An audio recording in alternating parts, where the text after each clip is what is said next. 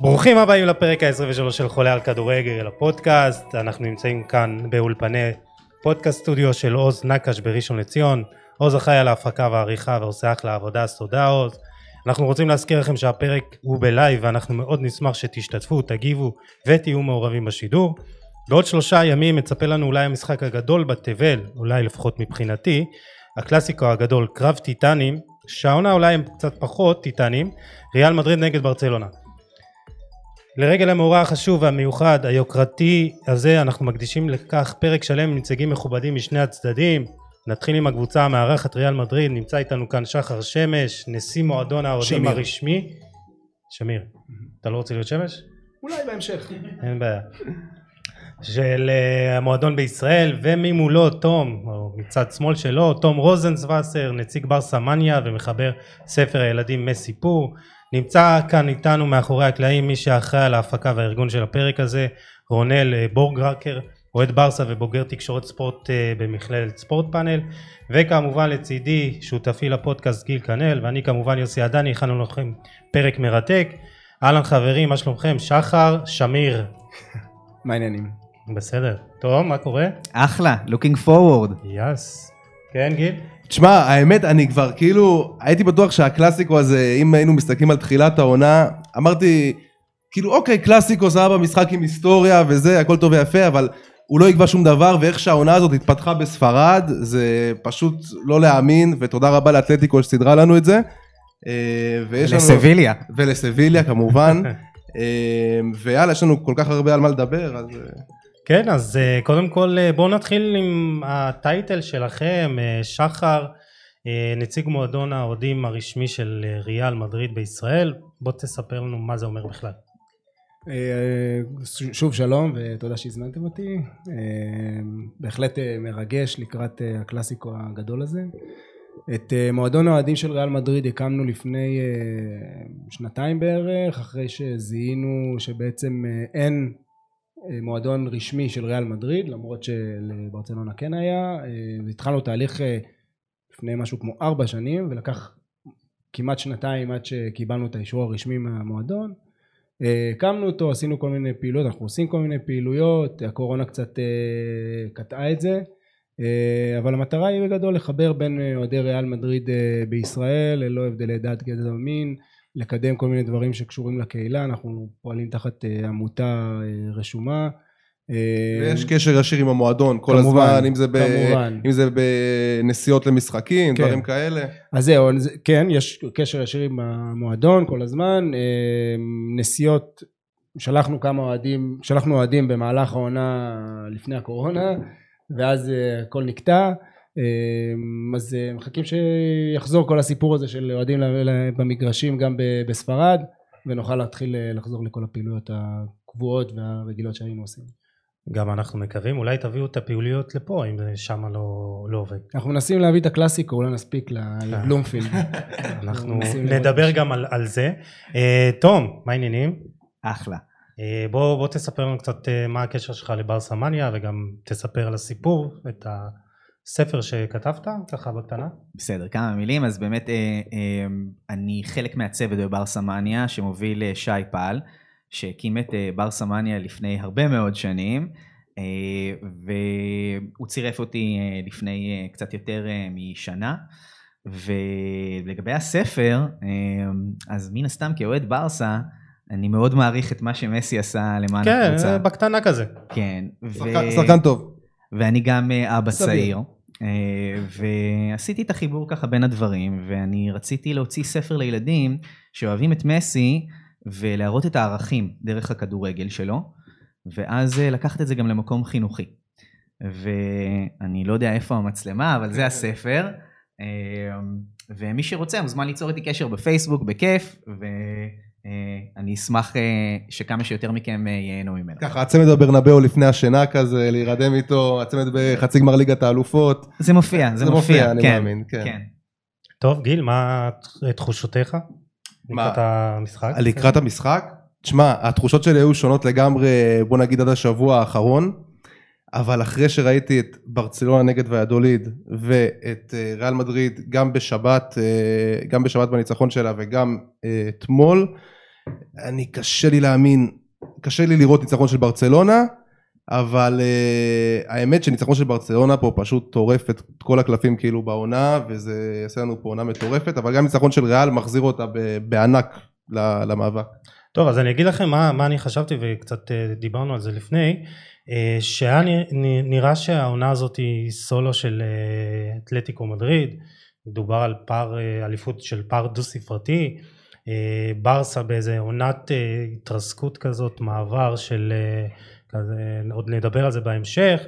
אה, תחילת עונה אה, זה באמת לא היה נראה טוב מבחינת ברסה, מסי היה כבוי, קומן נראה שהוא לא משתלט על הקבוצה, אה, וריאל מדריד עדיין כזה באיזה תחושות של עדיין לא מתאוששת מהעזיבה של רונלדו, ולאתלטיקו אתה יודע, הצטרף סוארז, זה היה נראה, אתה יודע, עונת סולו כזה לאתלטיקו, אבל הדעיכה שלה בחודשים האחרונים, ההתחדשות של ברסה וריאל שזה... שגם זאת, זאת לא כזאת דעיכה, זה, זה הרבה יותר ריצה מטורפת של ברצלונה, זה לא שאתלטיקו כאילו פה התחילה להפסיד בלי הפסקה, היא עדיין לוקחת את הנקודות שלה, פשוט ברצלונה וריאל מדריד התחברו.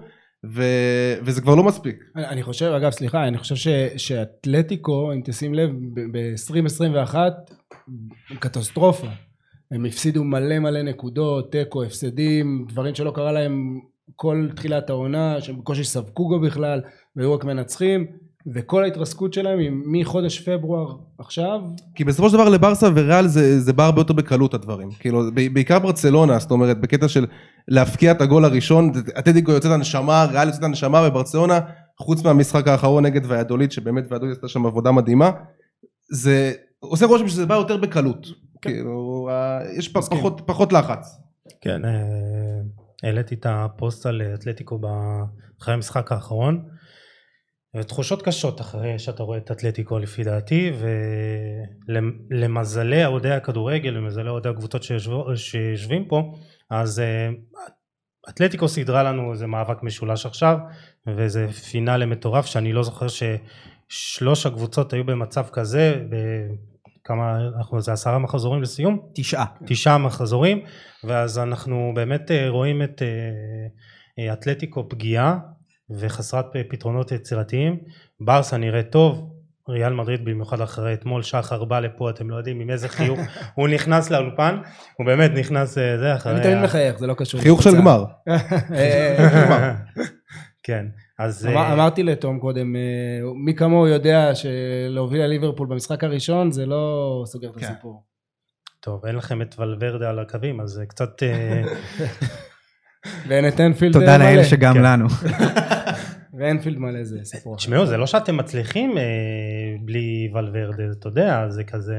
אני חושב שהבעיות של ברסה הן הרבה יותר עמוקות. אתה חייב להודות. זה ברור, כולם יודעים שהיה משבר אה, בצמרת של המועדון, אה, אבל האורוות אה, התנקו. התנקו במובן הזה. עדיין יש איזשהו, איזושהי חוסר, בוא נגיד חוסר איזון בסגל, אבל כן צריך לתת הרבה קרדיט לקומן. לגמרי. שהוא הצליח לחבר אותם. ולגבי המצב שהקבוצות מגיעות אליו, לקלאסיקו הזה, אז אני מסכים עם גיל שאם היינו מדברים לפני פגרת הנבחרות, אז יכול להיות אפילו ששחר היה אומר שברסה נראית קצת פייבוריטית. אבל פגרת הנבחרות קצת שיבשה. ולריאל מדריד צריך לתת את הקרדיט הזה, יש להם את היכולת והניסיון להגיע למה שנקרא ל-business end of the season, ל-money time, ולעשות את העבודה שם. עכשיו, נותר לראות האם ברסה... קצת מכבי תל אביב של, ה... של ספרד, סליחה על ההשוואה, מחילה מראש, אבל... לא, לא, כן, זה קבוצה... אה, באתם להעליב אותי פה? אני לא מבין מה קורה פה. לא, אגב, אגב, זה מחמאה, אבל... אה, לגמרי. זה משחק בין קבוצה שכאילו כל כך יודעת כבר מה היא עושה שנים על גבי שנים, וקבוצה שהיא כן נראית בכיוון נכון, אבל היא עדיין בבנייה. היא עדיין כן. מתגבשת, וכמו שאמרת, באמת, מה שקומן עושה זה, זה, הוא פשוט עושה קסמים, אין לו חלוץ, אין לו, אין לו קשר... אין לו בלמים. אין לו בלמים, אין לו עוד קשר אחורי, אין לו עוד קשר אחורי קלאסי חוץ מבוסקץ, הוא שם שם את פדרי, אה, זה נראה טוב לפעמים, אבל לפעמים גם לא. ובאמת מה שקומן עושה הוא... הוא נותן, הוא נותן גם גיבוי עם, עם המערך של שלושה בלמים, פרנקי דה יונג משחק כמו סוג של ליברו כזה. כן, אבל אני לא יודע אם אה, הוא ישחק ככה בקלאסיקו. גם אני לא יודע. הופ, כן, שמעתם את זה? Uh, טוב, יש לנו אורחת מיוחדת, uh, אנחנו נקיים את הריאיון באנגלית uh, ונתרגם ככה סימולטני, אז uh, מקווה שזה ילך חלק uh, ואנחנו יכולים לדבר איתה. אלו מרתה דה בוניטו, the La Liga representative of uh, in Israel. Hello Marta. Hello, how are you? Fine, thank you. How are you? I'm fine, everything is good. Thank you for having me. Yeah, thank you for uh, coming here. Uh, do you exciting uh, for uh, uh, for the Classico? Of course, of course, the Clásico is one of the most exciting uh, games we have in the in the season, and I think everyone is excited. Even the fans that they are not from Real Madrid or Barca, everyone is excited for this game. It's always a great game. So, uh, what does this uh, game means to the La Liga? Well, this game means a lot, of course. This is like the, the most club football game viewed, all around the world. It's the most important club, foot, uh, club football game. So it means a lot. I mean, it's Real Madrid, it's Barca. Of course, we have a, a wonderful league, but these are the two big teams. They are the most well-known clubs in the world. And, and this game is always very special because they have this ri- rivalry that is amazing. So it really means a lot to, to La Liga.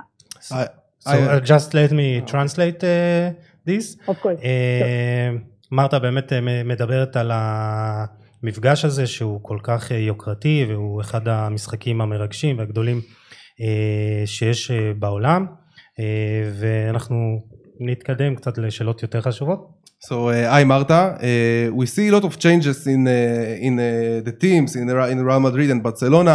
Uh, so I want to ask you how the departure of uh, Cristiano Ronaldo uh, affected the league, affected the Clásico, the rating. I mean, of course, Cristiano Ronaldo is one of the best players in the world, and, and, and that's a thing, and that's something that we have to assume. And when, and obviously in La Liga, we want to have the best players in, in La Liga. But it's true that that when he left, we were expect, ex- expecting a more a more a, a bigger impact in in in Real Madrid and in El Clásico and everything, but it didn't because I think that the clubs they have bigger brands than just players. They are huge clubs. The people and the fans all around the world they like the club independently of the player. And in the end, this game brings some energy to the to the team that independently on on who is playing on or who is not playing, it is the energy that that that brings to the fan the, the, the emotion. So it's a really entertaining product and it's really cool game. So I think it's sad that Cristiano Ronaldo is not in La Liga anymore, but I think that, that we have really good players in both teams. So, so it's cool. We have a great entertainment product. טוב, אז בעצם מרתה אומרת שהיא כן הייתה שמחה שקריסטיאנו רונלדו היה משחק, אבל המועדון, ריאל מדריד והמשחק הוא הרבה יותר גדול משחקן אחד, אה, ובעצם אה, יש עדיין הרבה מאוד שחקנים טובים בשתי הקבוצות, אה, והעזיבה הזאת היא כן השפיעה באיזשהו מקום שכן יש לקריסטיאנו רונלדו המון אוהדים, אה, המון אוהדים שלו ברחבי העולם, אבל שוב, הקבוצות, המשחק עצמו יותר גדולים משחקן אחד. Uh, Marta, do you afraid of uh, Leo Messi leaving the La Liga?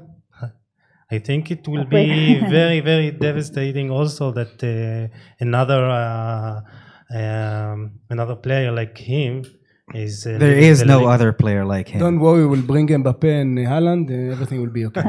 We have two representatives of uh, the club, so uh, one will be happy and the other. The, Yeah, exactly. is in denial. no, of course. I mean, I mean, it's undeniable that that Messi is, if not the best, one of the best players in the world. And and of course, as I was saying, we like to have the best players in the world in La Liga, but obviously Messi cannot last forever. it's impossible. He cannot play until he's 100 years old. So so we are not scared. I mean, we are not afraid. I think that we are, have been so lucky of having Messi so many years in in La Liga with with everything that he's brought to La Liga. So we are very lucky and we are not afraid. We, we, we will still have Barca, we will still have Real Madrid, we will still have every single club that makes La Liga what it is. So we are not scared, but of course we'll miss him if, if he leaves. טוב, אה, מרתה אומרת שהם אה, לא יפחדו שמסי יעזוב, ושהם אה, מודעים לכך שמסי לא יכול לשחק עד גיל 100, ופה תום בוכה מבפנים, אבל... לא, הוא בטוח- הוא בטוח שכן. הם עובדים על איזה כן. משהו שכן וכשמסי יעזוב אז באמת זה תהיה מכה אבל לא מפחדים ותמיד יהיה מישהו שבאמת יחליף אותו. חבר'ה אתם רוצים לשאול אותו את מרתה שאלה? Yeah, sure. Uh, hi, Martha. Uh, Tom Hi. here. I represent uh, the Barcelona supporters. Um, I have a general question for you. What does it mean to be La Liga's representative in Israel? What does it mean? I mean, what do you, what do you? I don't understand. How question. How how mean? do what is your activity here, and how do you okay. promote La Liga? Okay, well, uh, being the representative here in Israel for La Liga, it's very fun. it's very fun. So uh, I have a lot of duties on on on my side. I have to to work very hard in every single thing because I am La Liga representative. So we work digitally. We try to bring uh, to bring uh, together with a digital agency that we have here in Israel. We try to bring La Liga closer to the fans. So we are posting now in Hebrew. We are organizing events of course, with Corona, we couldn't organize events for the fans, but we, we did before Corona and we are going to do, we are going to start organizing events right now. We are also working a lot with companies here. We are uh, working also with institutions. We have very close relationships with, uh, with every sport institution in Israel. So we, we are, we have also this part of the job is try to, to bring growth to the whole sport industry, not only La Liga, but also sports, because if sports grows, La Liga grows with it. So, so we have a lot of things to do and, and it's fun. It's really fun. I'm busy, you can imagine. אוקיי, תום אה, שאל אה, באמת מה, מה התפקיד של אה, מרתה פה בישראל, אז מרתה אומרת שהיא אחראית באמת על ארגון אירועים, כש, כשבמצב רגיל ללא קורונה, שת"פים עם מסחריים, עם מוסדות, ומציינת שבאמת המטרה שלה היא להביא לצמיחה של הספורט פה בישראל, ובאמת זה יעזור לצמיחה של, של גם הליגה. אה, שחר, יש לך שאלה בשביל מרתה אולי? אה, כן. כן. Hola Marta, ¿cómo estás? Hola. Um, how do you feel that the lack of uh, fans coming to the stadium affects the um, the, the, the the matches, the the position in the table? Um, what what do you feel? What do you think? And when do you think uh, fans are going to be allowed to to come to the to the stadiums? That's a great question. I mean, I think that I speak for everyone in La Liga, not only La Liga itself, but the clubs, the players, the referees, everyone, that we really miss the crowd.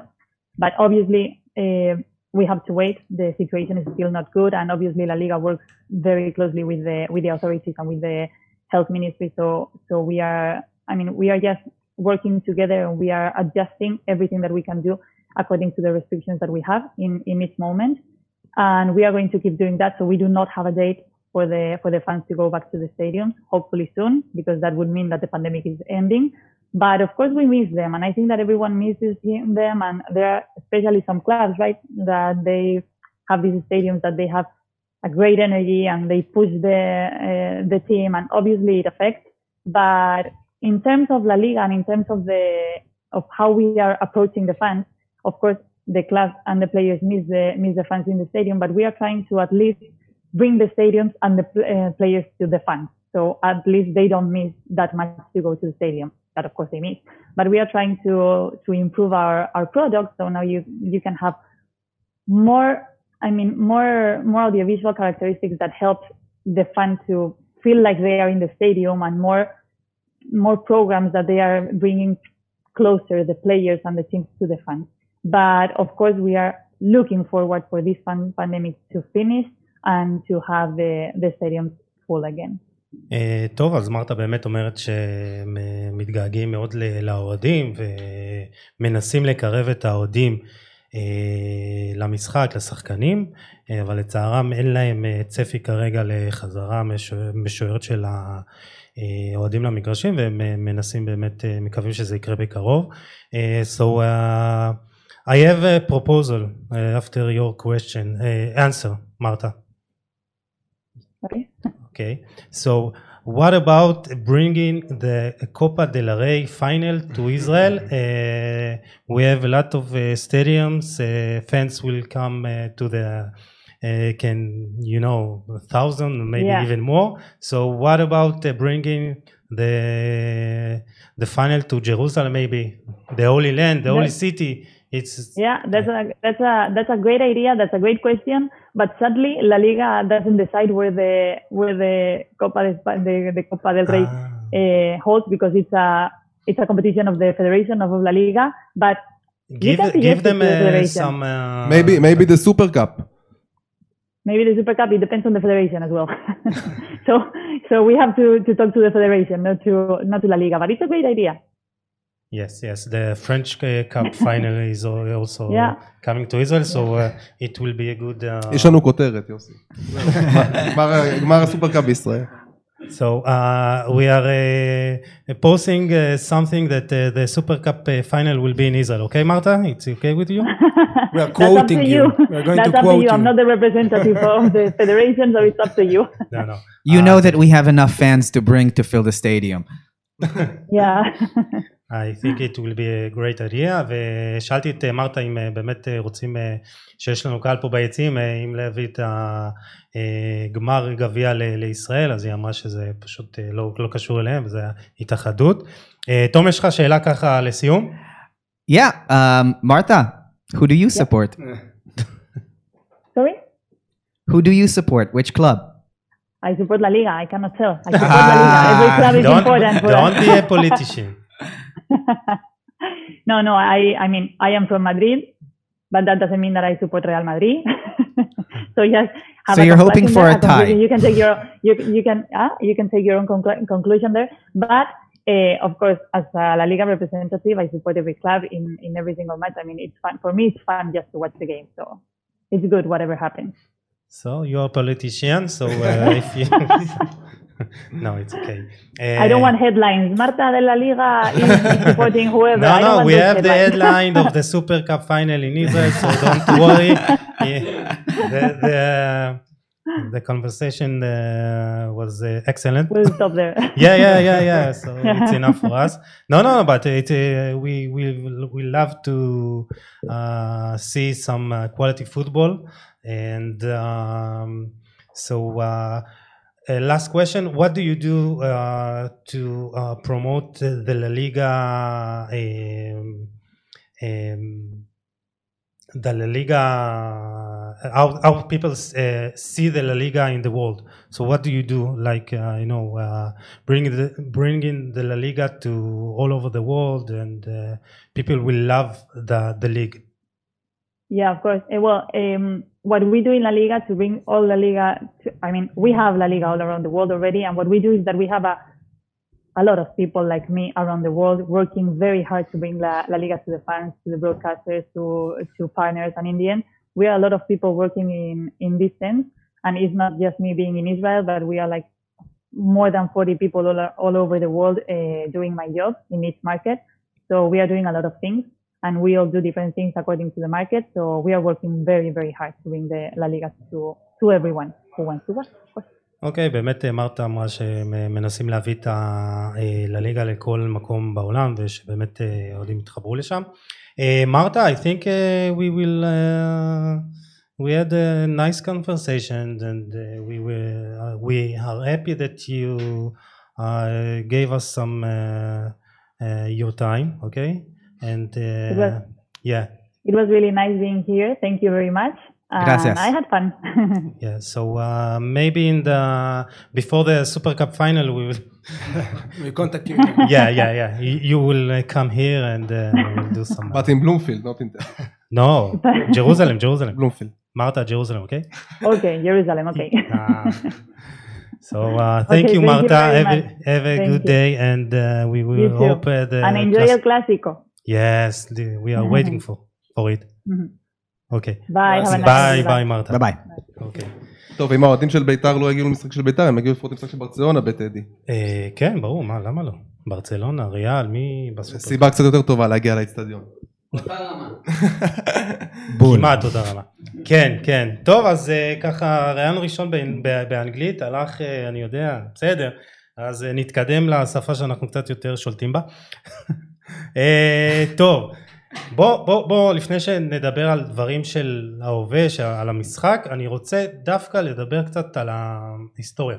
היסטוריה של המפגש, אה, איך היריבות הזאת נולדה, כי זה הרבה הרבה הרבה, כשאומרים זה מעבר לכדורגל, במפגש הזה בין ריאל מדריד לברצלונה, זה הרבה יותר מסתם משחק כדורגל, נכון? בוודאי. המארחת של המפגש, בבקשה. זה, אתה יודע, אומרים לדרבי חוקי משלו, אז לקלאסיקו החוקי משלו.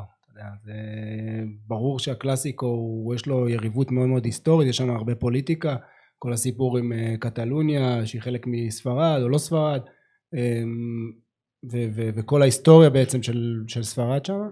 אה, אז זה נכנס אה, ל- ל- ל- כרגיל, וכמו שהאוהדים אוהבים לעשות את זה פיקנטי, זה נכנס לכדורגל. אמ, זהו, לא... אני, אני רק רוצה להגיד, אני לא יודע אם, אם אה, כולם מכירים את זה, אבל הסיסמה של אה, ברצלונה זה מס קה און קלוב, שזה אומר יותר ממועדון. והסיבה שזו הסיסמה, זה בגלל שהמועדון uh, כדורגל בברצלונה היה איזשהו, היווה איזשהו מפלט לאנשים לשאיפות, uh, uh, לשאיפות העצמאות שלהם בקטלוניה.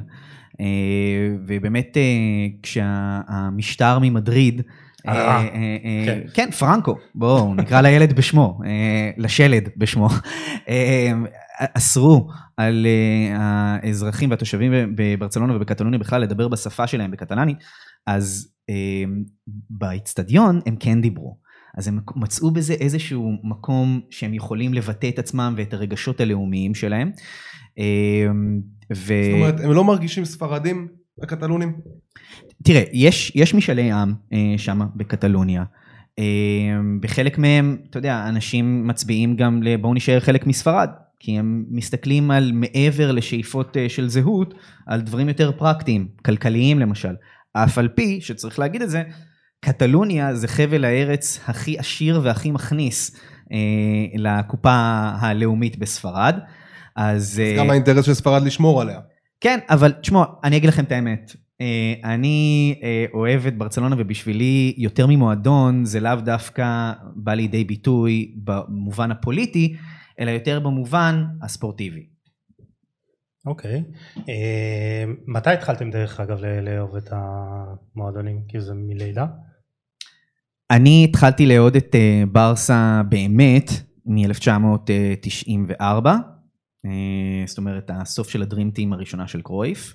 אה, אני, הייתה, הייתה לי סימפתיה לכדורגל הולנדי קצת לפני, וקרויף וקומן, והדמיון וה, בין הכדורגל ההולנדי למה שעשו בברצלונה באותם שנים הצית, ואז היה את הקלאסיקו המפורסם עם המניטה והשלושה של רומריו, או כמו ששפיגלר אה, מוטלה שפיגלר שפרשן את המשחק אמר שלושה עוד לפני שהוא הכניס אז זה באמת היה... הוא הזכיר את הגול שלו ממקסיקו באותו שידור או שלא? בשידור הזה לא. אני מאמין שאיפשהו כן, אני מאמין שאיפשהו כן, אבל באמת אה, אני הייתי ילד בן 13 אה, ואני באתי ואני ראיתי את המוזאיקה הזאת בקאמפ נו וזה חשמל אותי. ואז ראיתי את המניטה הזאת ו game over. אבל תקן אותי אם אני טועה, עם כל הכבוד לה, באמת לשיטות של קרויף וכל הדברים האלה בשנות ה-90, עדיין יש את ברצלונה של לפני שנות האלפיים ויש את ברצלונה של אחרי שנות האלפיים, זאת אומרת מעידן רונלדיניו ו- ומסי שזה הפך באמת הטירוף הזה סביב ברצלונה שבאמת תמיד היה מועדון פאר אבל העידן הזה של רונלדיניו ואחריו מסי שהיה זה, זה שם את ברצלונה באמת בטופ שתיים בעולם. כאילו. חד, חד משמעית, אבל אני הייתי אומר, הייתי מחלק את זה בעצם לשתי תקופות. אה, שני, שני סוויצ'ים מרכזיים, שתי אה, שני נקודות עידנים. כאלה, בדיוק. לפני ההגעה של קרויף למועדון, אה, לברצלונה לא הייתה את הזהות המקצועית שיש לה, איתו, מן הסתם. וההגעה שלו למועדון כשחקן נתנה בוסט מאוד חשוב, הוא הגיע גם עם רנוס מיכלס, שגם היה מאמן הולנדי אה, הביא את הכדורגל הזה, ו, ו, ו, וביתר שאת אחרי זה גם כשהוא היה מאמן, אה, והם זכו בגביע אירופה הראשון שלהם, אה, אז זה, זה בעצם מופע אחד מאוד מאוד גדול, והמופע השני באמת היה, הייתי אומר אפילו הבחירות של לפורטה לנשיאות כן. ב-2003, דיברתי עם רונל בדיוק על הנושא הזה בדרך, שלפורט היה איזה משאת נפשם של האוהדים כרגע, עכשיו, בבחירות האלה- הללו. כי הוא היה סוג של המחיה זהות הזאת של ברצלונה הגדולה. אתה מבין? אז כאילו להחזיר זה מין הטרלה הר- ישנה. הוא, הוא, הוא זכה. ברוב קולות גדול. יש לציין גם שוויקטור פונט שהיה מועמד, היה מועמד אה, מאוד לגיטימי והכין אה, יופי של קמפיין והיו לו רעיונות מאוד טובים, אבל לפורטה אה, נתפס, ובצדק, על ידי הרבה מהאוהדים, בתור בוא תחזיר עטרה ליושנה. עשית טוב, יש לך את הניסיון, אנחנו בבוץ עכשיו ברמה הניהולית, כלכלית, שבכלל לא רוצה לדבר על העניין הכלכלי, זה קטסטרופה טוטאלית, אבל אה, אה, ראו בו סוג של מושיע. אה, ובפונט זה היה משהו... והוא חבר של מסי שזה הכי חשוב. זה מאוד חשוב, אני לא יודע אם זה הכי חשוב, אבל זה מאוד חשוב. אה, ובאמת, כמו שגיל אמר, אני חוזר למה שאתה אמרת, הבחירה של הפורטה, וביחד איתו גם ההגעה של רונלדיניו, זה נקודת מפנה. זה היה המבוא לקראת המינוי של גוארדיולה, ו- ו- וההתפתחות של מסי היסטוריה. וההתפוצצות שלו, אני, ההיסטוריה. אני חושב שגם יש משמעות מאוד גדולה לשנים ש, שכל הדבר הזה קרה, כי היום ל- לילדים זה מאוד, זה לא ברור, אוקיי, ברצלונה, ריאל, סבבה, אני בוחר ואני רואה אותם כל, כל הזמן, כל, עם רשתות חברתיות, טלוויזיה, יש כל הזמן שידורים, דברים, משחקים מהעבר. כשאנחנו גדלנו, אנחנו כנראה באותו גיל פחות או יותר, אמ, והיינו ילדים, לא היה לך, כאילו היית, לא היו, משח... לא היו משדרים בכלל את המשחקים, היית ניזון אולי בכתבה קטנה בעיתון על תוצאות, אז היה קשה לבחור איזשהו... היה לזה את הקסם שלו, אבל שאתה לגמרי, רדפת אחרי זה. לגמרי, לגמרי, לגמרי, אבל uh, אני חושב שזה גם מה שחיזק בסופו של דבר את המעמד גם של ברצלונה ו, וגם ריאל באיזשהו שלב, בגלל שיותר קל לצרוך את, ה, את המדיה הזה. נכון, לפני 50 שנה שמעו על אה, פלא, ואמרו, כן. שמעו עליו, זה בדיוק העניין, שמעו עליו. בדיוק. והיום, פשוט כולם רואים את הכל. רואים במגרש הכל- ומחוץ הכל- הרבה יותר הכל- זמין. כן. הרבה יותר זמין. איך זה התחיל אצלך, שחר? אצלי גם פחות או יותר אותו סיפור, משחקים, כל- בעיקר שנה אחרי. כשאתם נתתם לנו חמש. כנראה. כל אחד. והחמש אפס שלו. היו זמנים, כאילו לנו לפחות. איוון זמורנו. אז אה, גם היו הרבה קלאסיקו, אני זוכר במיוחד את הקלאסיקו עם פיגו שמפורסם. עם הראש שהוא חזיר? חזר לנו ראש חזיר, והעצירה של המשחק, ובקבוקי וויסקי שנזרקו שם. אה, אתה מבין, בספרד אה, זורקים בקבוקי וויסקי, בישראל אה, ארטיק אננס. אה, זה אננס היה? אה, נס, כן, סבבה. זה נראה לבן, אז כן, כן. אוקיי, כן, כן, טעיתי. אז זה, זה פחות או יותר שמה.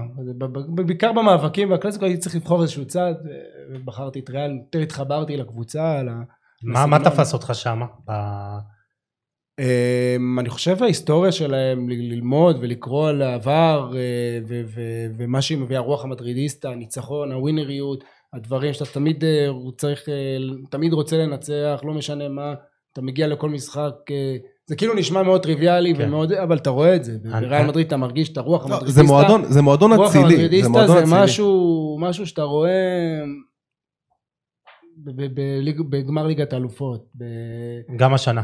זה גם משהו שאתה רואה נגד אייבר בליגה, כן, כאילו. אז אז אני אחטא אם אני אומר שבריאל מדריד הדרך- לא חשובה על התוצאה ובברסה אם הד- אם הדרך לא לא טובה אז. התוצאה אה, אה, כאילו אני חושב שגם. אני חושב זה התחיל מהעידן של גוורדיולה, כאילו בוא, פפ גוורדיולה שינה את הכדורגל, כאילו יגידו מה שיגידו, יחזיקו ממנו יותר, יחזיקו ממנו פחות. מה שהיה עם ברצלונה באותם שנים, זה היה פשוט לשבת ולחכות למשחק של ברצלונה. כן, כאילו, אבל היה לו גם- אתה יודע, היה לו גם שחקנים. עם החמישיות, עם החמישיות האלה עד דקה 20, שם טיקטקה בעל... וכל מה שהם כן, עושים, כן, זה... זה- זה מה ש... הייתה מה שנקרא כל הכוכבים הסתדרו כן, באותה בדיוק. תקופה. הכל הסתדר, בדיוק, ו- וזה זה הציב, זה הציב רף לברצלונה שהיא צריכה להתמודד איתו עד היום, כאילו, אין, אין, לה, אין לה ברירה. קצת בלתי אפשרי הרף הזה. רף כן. בלתי אפשרי, אבל uh, עדיין, עדיין אתה רואה שמנסים, ועדיין יש את ההבלחות האלה מדי פעם. אבל, אבל זה, זה, זה מתקשר גם ל- למשהו אחר שאני דיברתי עליו. בסופו של דבר גוורדיולה, עם, עם זה שהכוכבים באמת הסתדרו לו, היה לו את החומר שחקנים, היה לו את, מה, את את מסי, את, אה, פויול, את אה, צ'אבי, את איניאסטה. נבחרת זוכת כן. מונדיאל לצורך בדיוק. העניין. אה, אז זה באמת באמת נתן, זה מה שזה עשה, זה נתן לתזות של קרויף גושפנקה. אבל בוא, בצורה הכי חזקה שיש. מבחינתי פפ, הוא, הוא בא, והגדולה שלו שהוא לימד את החבר'ה האלה, מבחינתי אני אומר את זה בצורה כאילו הכי גסה שיש, הוא לימד אותם לשחק כדורגל, הוא אמר לצ'אבי, אוקיי, אתה עכשיו משחק ככה, הוא אמר לאינייסטה, אתה עכשיו משחק ככה, כאילו, הוא הוציא מהם, הוא הוציא מהם את הפוטנציאל הזה שהיה גלום בהם, וצ'אבי כן היה ב top, אבל הוא לא היה ב top של ה top העולמי, במשך שנים, ובאמת, פפ הוא זה שגרם לתפנית מאוד גדולה בהיסטוריה של ברצלונה מבחינתי. אין ספק, אבל אני גם רוצה לגעת במשהו, אתה, אתה דיברת על ההבדלים בין הדרך והתוצאה, אני, אני הייתי רוצה להסתכל על זה גם איזשהו הבדל מקצועי, אני חושב שבברצלונה מקדשים את מהירות המחשבה, ובריאל מדריד אני רואה את המהירות ברגליים. ו, וזה בסדר, ובריאל מדריד יש באמת את הקטע הזה של לנצח, אפילו אתמול, אנחנו כתבנו בקבוצה של החברים מבר סמניה, שיש לריאל אופי בקטע הזה. אין, אה, אי אפשר לא היה להתכחש שם לזה. בדיחות על שופטים וכאלה וזה? לא, לא, פחות, אנחנו, אנחנו באמת אה, אה, יודעים שלריאל מדריד יש אופי והיא תמיד שם, אנחנו מכירים את זה. גם ליגת אלופות זה המפעל שלנו, בוא. כאילו, אין ספק, ריאל מדריד מאוד דומיננטית. בליגת אלופות. אה, הם יודעים, לקבוצה יש יכולת, לקבוצה יש יכולת. להגיע למפגשים מסוימים, מפגשי מפתח, עם איזשהו מטען מנטלי חזק, וזה חשוב, גם, גם לדעתי לזידן יש חלק בזה, כן. אבל זה לא רק זידן. זה אתוס זה- של מועדון שעומד מאחוריו. זה, זה המדרידיסטה, יש, יש מושג כזה באמת, רוח המדרידיסטה, והוא לא סתם, זה, אתה יודע מי הוא מדרידיסטה אמיתי שמגיע לקבוצה ו, ונהיה, והוא חלק ממנה ממש ב, ב, בנפש, כן. זה לא משנה. אני, אני רוצה לדבר אם דיברנו על חואן לפורטה שהוא באמת הביא את השינוי, אני רוצה לדבר על פלורנטינו פרז. כמה זמן הוא במועדון כבר?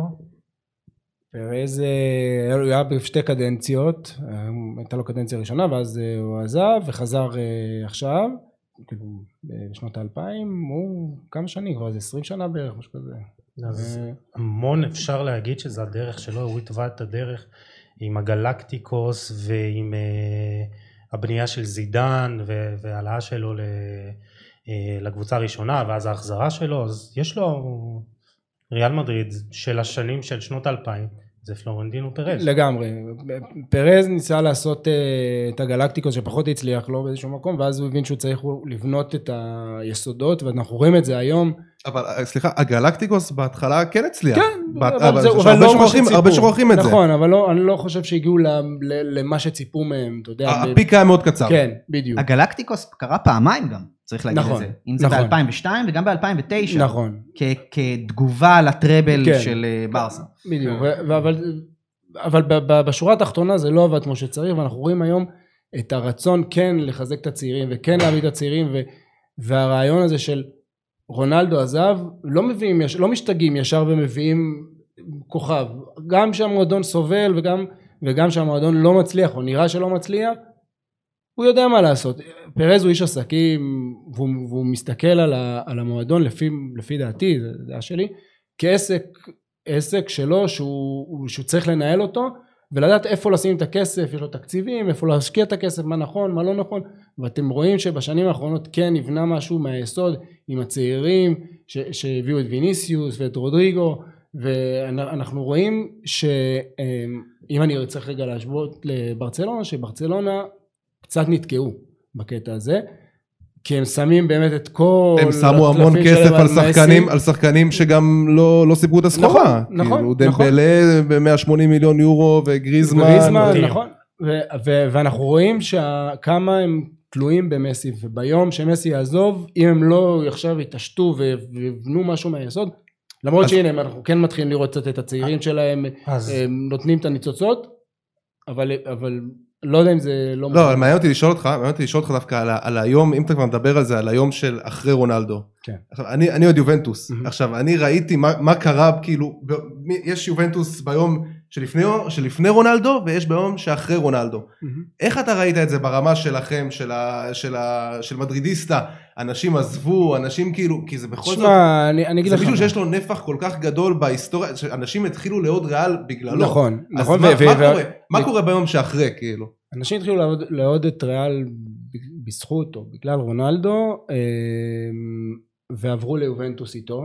זה היה רגע, אבל זה היה רגע עצוב, או שזה היה רגע שאתה אומר, אוקיי, הוא הביא אותנו לפיק, מפה כבר אנחנו לא יכולים לעלות, עכשיו בוא, בוא נבנה משהו מחדש, כאילו הגיע הזמן. אוקיי, אז, איך, איך אתה רואה את זה? אז אני, אני ראיתי את זה כמו ש... כאילו, מה שאמרת, האפשרות השנייה. אוקיי, אה, האופטימית. כן, שבסדר, הגיע שחקן, נתן את כל כולו, הגיע לתארים, עשה דברים מדהימים, שחקן, כמובן אי שחקן. אפשר לקחת ממנו שום דבר, אבל, אבל כמו שאמרנו, רוח המטריסטיה היא חזקה יותר, וצריך להתקדם, הגיע הזמן שהוא ימשיך הלאה, הוא רוצה ליעדים אחרים, סבבה, להגיע להישגים אחרים, זה בסדר, צריך, אי אפשר, שחקן לא יכול להיות לנצח, גם אם תום רוצה את אה, מסי על גיל 100 זה לא יעבוד, כבר אומר לך. אז אה, זה בסדר ששחררו אותו, מה שלדעתי לא היה בסדר, שבאמת לא עשו איזושהי הכנה והביאו איזשהו כוכב, וראינו, ראינו בעונה הזאת שהוא עזב, ראינו קטסטרופה. הרי ה- הביאו איזה שבע במקומו. לא, כן. הביאו את עדן אה, עזר. מי זה, תזכיר לי? עדן עזר היה אמור להיות כאילו... כן, היה אמור, אבל זה לא עבד. אתה חושב? וגם, וגם, סליחה רגע, וגם את עזר לא הביאו מיד אחרי. זאת אומרת, הייתה עונה... הוא גם לא על אותה משבצת. זה- בסדר, נכון, נכון, אבל כאילו בתור איזה כוכב. שירכז כן, זהו, אני-. גם אני חשבתי ככה שזה אמור כאילו להרגיע את הרוחות. אנחנו במיוחד, הבאנו- במיוחד, לפני השאלה שלך, במיוחד כשבנזמה באותה תקופה אף אחד לא סבל, כאילו האוהדים לא יכלו לראות אותו, והוא היה מחמיצן, ו, וזה לא התחבר, ואמרו ש, שנותנים לו לשחק בגלל שהוא צרפתי, וזידן נותן לו את האופציות ואת, ה, ואת הצ'אנסים שלו, ולא הביאו חלוץ אמיתי, כן. ש, או שיחליף את, את החמישים גולים ש, שהיה לנו בעונה, ורואים את זה, גם אומרים את לגבי. עדן עזר, לגבי עדן עזר, כאילו, תשמע, אומרים פלופ ואיך שילמו עליו, אתה יודע, הכי קל לדבר בדיעבד. בתכלס, נכון, לא, באותה בסדר. נקודת זמן, זה היה רכש מדהים נכון. של ריאל מדריד. הוא היה אחד, שחקן top חמש בעולם, אני חושב שהיה על זה קונצנזוס. הוא הביא את המספרים בצ'לסי, לגמרי. הוא הביא תארים בצ'לסי, הוא הוכיח את עצמו בכל הרמות, וזה היה רכש מדהים ש, שפשוט לא הצליח, לעומת, לעומת גריזמן, שזה לדעתי סיפור אחר. שפה ראינו שחקן ש, שכן, הוא עשה, דבר, עשה דברים מדהימים באטלטיקו מדריד ובנבחרת צרפת, ואין על זה ספק, אבל הוא לא שחקן ש, שיכול להוביל קבוצה כמו ברצלונה אה, ליד לאו מסי, ולכן אני חושב שהסכום ששילמו עליו היה מופרז, למרות שעכשיו אנחנו כן רואים אותו לאט לאט מתחיל להיכנס לעניינים. נכון. אה, אני, אני אתייחס לזה רגע, אבל אני חייב לשאול משהו את שחר. אתה חושב כן. שאנחנו לקרי, לקראת אה, אה, עוד גלקטיקוס? קיץ כזה? לא- יש דיבור על זה אצלכם. תראה, מה זה גלקטיקוס? אם יביאו, יביאו את אמבפה ואולי את אהלנד, בדיוק על זה אז מדובר. זה לא בדיוק גלקטיקוס, כי הם תמכו על ידי הצעירים וה...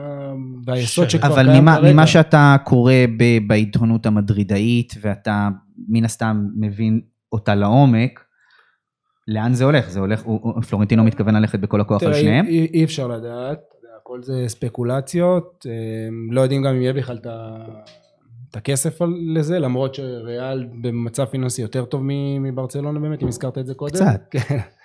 אמ, אבל אתה יודע, גם, שנת, גם הקורונה פגעה לכולם ב- בהכנסות, ספונסרים, קהל, מרצ'נדייז וכולי, אז לא יודעים מה. אני, אם אני צריך לבחור נג- נגיד אגב, אז אני מעדיף קודם כל את אמבפה, שיביאו את אמבפה, ואלנט אה, על הדרך אם אפשר. אה, גיל, רציני. אה, לגבי מה שאתה אמרת לגבי גריזמן, אה, הרכישה הזו נולדה בחטא. תסביר. גריזמן פרסם שנה לפני שהוא עבר את הוידאו שלו, עשה סטייל אה, לברון, ההחלטה שלו, ואמר שהוא נשאר באתלטיקו. אה, וברטומיאו כביכול זה פגע לו בתוכניות וב-PR שלו, ביחסי ציבור שלו ומה שהוא מביא לב- לברצלונה. הוא אמר אני אביא אותו בכל זאת. ברצלונה לא הייתה זקוקה לו ברמה המקצועית, הוא מאוד יושב על המשבצות של מסי או, או דומה לזה. אז אתה אומר זאת החלטה שהיא פוליטית. אה, אה, לגמרי, וזה חלק מההרס שאותו נשיא הביא איתו. וזה מצחיק להגיד את זה, כי אם ברכישה של עזרד היה יותר היגיון, מאשר, בז- מקצועי לפחות, מאשר בזו של גריזמן, אז אנחנו, ו, וכולם כל הזמן ירדו על גריזמן וירדו על גריזמן, בסופו של דבר אנחנו מסתכלים על, על, על עדן עזר, או יותר נכון, לא מסתכלים עליו, כמו שאמרת. תראה, וגריזמן לאט לאט נותן תפוקה, לא אותה תפוקה שהוא נתן באתלטיקו מדריד, אבל עדן עזר לא משחק. בדיוק. זה, שלא במה- אי אפשר, של- אי אפשר להאשים את הרכישה של עזר, כי באמת היה פה... כמה דברים אה, קטסטרופליים בדרך, בעיקר הפציעות שלו, ש, שמשפיעות מן הסתם, כי הוא באמת לא יכול לשחק ולא נותן את התפוקה שלו. כשהוא כן שיחק, לא ראינו ממנו משהו מדהים. יכול להיות שאם הוא היה משחק... אבל גם, ה- לא אני לא אגיד הצלחה, כאילו, זה כן הצלחה לזכות באליפות, כאילו, גם בעונה בעונה כזאת, כמו עונה שעברה. כן, אבל זה אי לא בעיה להגיד בגלל שהוא- עדן עזר. כן, אי אפשר לא, להגיד לא, שהוא אני חלק אומר- מזה. לא, לא, הוא לא חלק מזה. אני, אני אומר, אני אומר להפך, זה טשטש את הכישלון מה, של העסקה הזאת. כאילו, כי אם ריאל הייתה מסיימת כמו ברצלונה, אז כולם היו מדברים עכשיו על עדן, על, כמה הוא על, השפיע על זה. על אה, עדן, על עדן עזר, אה, כאילו, במושגים האלה של כמה הוא כישלון וכמה, אתה יודע, ועכשיו כאילו, הקבוצה, הקבוצה בסדר, איתו, בלעדיו, כנראה זה היה נראה אותו דבר. כן, אתה יודע, זה, זה פשוט החלטה שנעשתה, היא הייתה נכונה לאותו, לאותו זמן, וכולם היו שמחים, אתה יודע, זה, זה היה משהו טוב שהנה קורה ו, ומזיזים ועושים, ועושים איזשהו שינוי. חוסר מזל, בסופו אז, של דבר. אז זה גם, הוא יכול להיות שהרכש היה נכון, עדן עזר, אבל בסופו של דבר אתה מסתכל, אתה מוציא שחקן אחד מה... מה כל המערכת הזאת, שזה לא וואחד שחקן, זה קריסטיאנו רונלדו, זה 40-50 שערים בעונה, אה, סבירה שלו, ואתה מביא עדן עזר, ואז אתה מצפה ממנו, או, או חושב שאולי הוא יביא רבע, חצי ממה שקריסטיאנו נותן, אז מקצועית זה לא היה הרכש המתאים ביותר לריאל מדריד. אבל- ואתה מוציא סכום כזה על שחקן כזה, וקודם כל מקצועית זה לא היה יכול לעבוד, גם אם הוא היה בריא. אני לא אוקיי? חושב, אני לא חושב אבל שמישהו ציפה ש... נכון. אני חושב שפלורנטינו פרז, כל מה שהוא רצה לעשות במהלך הזה, זה כמו שהוא עושה, סופרסטאר. כמו שהוא עושה גג אחת לשנתיים, הוא אומר, אני מביא לכם. את השחקן הכי טוב בעולם, נקודתית לאותה נקודת זמן. כאילו, אין.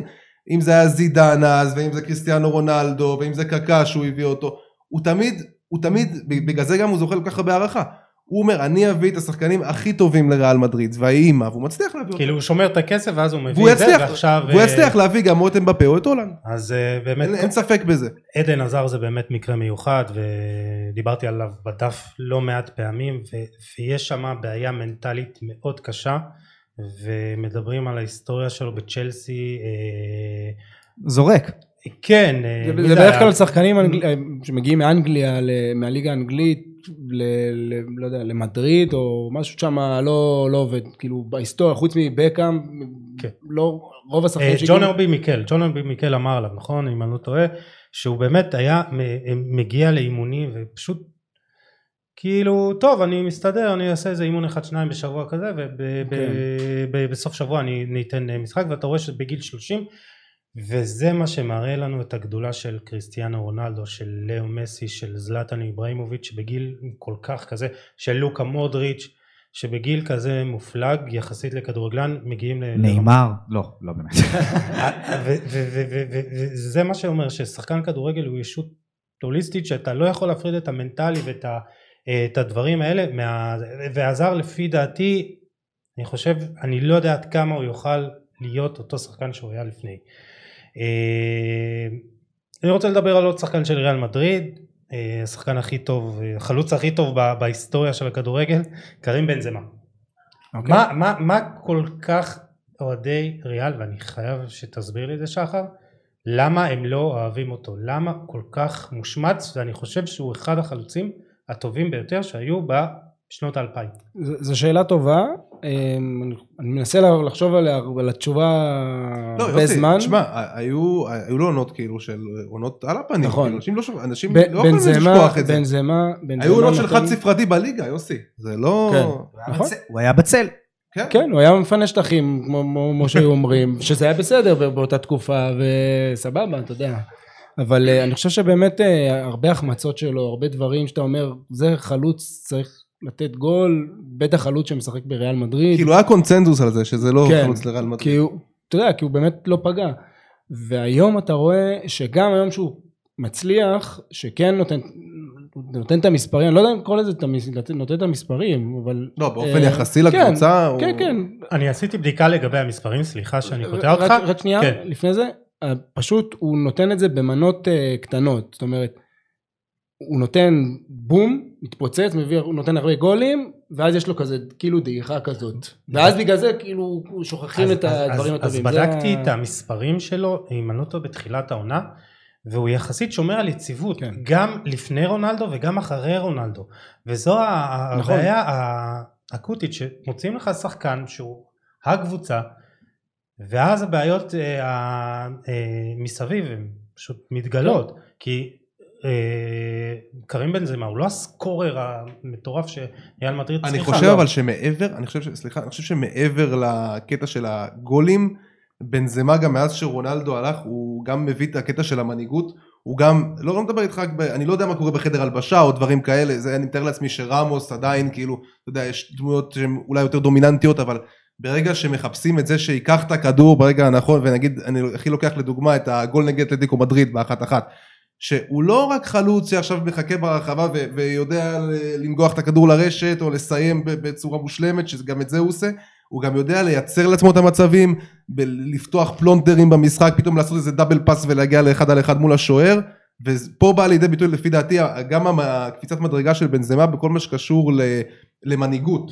ו- ו- וזה מה שאתה, משהו שאתה רואה בשנה כן. וחצי האחרונות, שאתה רואה, כן. אחרי כאילו שרונלדו יוצא הלך, החוצה, בדיוק, לוקח את הכדור. בדיוק, הוא יוצא החוצה, הוא עושה קצת הגנה בחצי, כן, כן, כן. הוא לא- ובא אחורה לקבל את הכדור והולך קדימה. אני- זה אני- משהו שלא היה אני כשרונלדו חושב, הלך. אני חושב שהעזיבה של רונלדו אה, פגעה בריאל מדריד, אין ספק.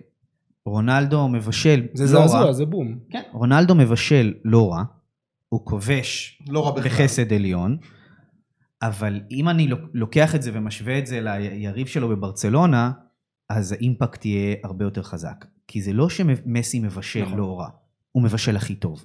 הוא מוסר מסירות מפתח הכי גם טוב. ראו את זה בתחילת העונה, שהוא לא- שהוא לא שיחק ב- נכון. בתחילת העונה. הוא כובש הכי טוב. ואיך נראו? הוא, הוא, הוא, בכל פרמטר התקפי, לא כן. מזמן אנחנו העלינו פוסט בברסה מניה, ורואים שם בכל פרמטר התקפי, כל פרמטר התקפי, מסירות מפתח, בישולים, דריבלים, קידום, למה, קידום הכדור בפעולות שהביאו לביתה בשער, כיבושים, כל פרמטר מבניין ההתקפה, מסי הוא הכי טוב. אז מן הסתם, ההישענות היא גדולה יותר, ושיישאר. אבל היו לכם גם זמנים, היו גם זמנים שכאילו, גם אם היית מוציא את מסי, עדיין לא, עדיין כאילו, היית מרגיש את זה, אבל את- יכולת גם לשחק בוא בלעדיו. נראה, עשר שנים אחורה, כן. גוורדיולה אמר, אנחנו היינו קבוצה טובה מאוד בלי מסי. איתו אנחנו קבוצה, קבוצה מצוינת. כן. אני זוכר, היה גם את החמ- החמש... סוג של דובדבן שבקצפת היה עבור גוורדיולה, בעוד בשנים שלאחר מכן הוא היה כל העוגה. כן, אבל השנה, השנה זה באמת, התלות הזאת היא, היא הרבה יותר גדולה. זאת אומרת, אם בשנים הקודמות, אם אתה זוכר את, הדר, את הקלאסיקו של החמש אחת, שסוארז שם עם השלושה, וקוטיניו נתן שם הצגה, והיה לברסה כאילו על מי להישען, והעונה, אתה אומר בואנה, אתה מוציא את מסי, כאילו, מה, מה, מה קורה פה? כאילו, מה... אין לך גם את פאטי, אין זה לך... קצת מה שדיברנו קודם, שבאמת הם נשענים מאוד מאוד על אה, מסי, ואין אין חשיבה ל- למחר. אז, כן, אז ביום אני, שאחרי. אני מסכים ולא מסכים עם מה שאתם אומרים, כי מצד אחד זה נכון שיש הישענות יתר על מסי, אבל אין ברירה, כשיש כן. לך כזה תכשיט, כזה, כזה דבר שמנפק תפוקה, נותן תפוקה בקבוצה, אז אתה, אז אתה תישען עליו במידה מסוימת. מצד שני, יש, אה, אה, יש דור חדש של שחקנים טובים בברצלונה, ואני מדבר בכל השדרות. אז, אז זהו, בואו בוא נדבר באמת עליהם. פדרי, דסט, פוץ, טרינקאו, מוריבה, אה, אראוחו, פאטי, שיש לי סימן שאלה עם הפציעה שלו, מאוד מאוד מאוד בעייתי. גם דה יונג צעיר מאוד. דיון כמובן, זהו, הוא כבר מבוגר, כמה? 22, 23, זה... זהו, הוא לקראת הסוף. כן. נדמה שהוא איתנו שנים. אה, ואתה רואה שיש איזושהי... אפשר לראות, וזה ייאמר לזכות קומן, שהוא נותן לפדרי את המפתחות, דסט נראה יותר טוב בשיטה הזאתי, ואתה אומר, תום, קח את זה, זה, יהיה חיים אחרי מסי. כן. יכול להיות. כן, יהיו חיים אחרי מסי. אמ, קצת קשה לי לדמיין אותם, אבל, אבל יהיו חיים אבל זאת מסי. הבעיה אגב, בלי צחוק זאת הבעיה שלכם. ש- נכון. שאתם לא, אתם לא יכולים לדמיין את זה, ו- ופה אתם זה, עלולים זה, להיתקע. זה יותר מזה, זה יותר מזה, זה יותר עמוק מזה. בגלל שאלו השנים האחרונות של מסי, יש איזשהו רצון למצות אותם ולרצות אותו גם באיזשהו לגמרי. מקום, שזה כן, לא, לא לחש- מסתדר בדיוק עם האג'נדה של הקבוצה של הבנייה העתידית, אבל, אבל זה התחיל, זה- התהליך הזה התחיל. אז זהו, אז פדרי תחילת לתת לו. את המפתחות, כן. זה מעולה. אה, דסט שחקן צעיר, והעובדה שהוא גם מתפקד עכשיו ב-343 או 352 יותר כן. בכנפיים ויש לו פחות אחריות הגנתית, זה נותן לו לבוא לידי ביטוי. אגב, זה נולד מכורח הנסיבות. זה נולד בגלל שמרכז ההגנה של ברצלונה לא חזק מספיק. אז, אתה יודע, בסופו של דבר אתה עושה אחד ועוד אחד, אתה אומר שני בלמים זה לא מספיק טוב, אז אני ישראל- אשים שלושה, בנבחרת ישראל זה לא עובד כל כך האמת. ויחי ההבדל הקטן. ו, אז, אז שמים שלושה בלמים, וברגע שיש שלושה בלמים, אז למגנים יש טיפה פחות יופי, אחריות הרמת- הגנתית. הרמת לי להנחתה. אני חושב שג'ורדי אלבה, העונה, פשוט מראה איזה מגן שמאלי. וואו. זה של השנים הכי טובות שלו. הוא פשוט מדהים, גם מבחינת מספרים, אני חושב שהוא אולי זו העונה הכי טובה שלו.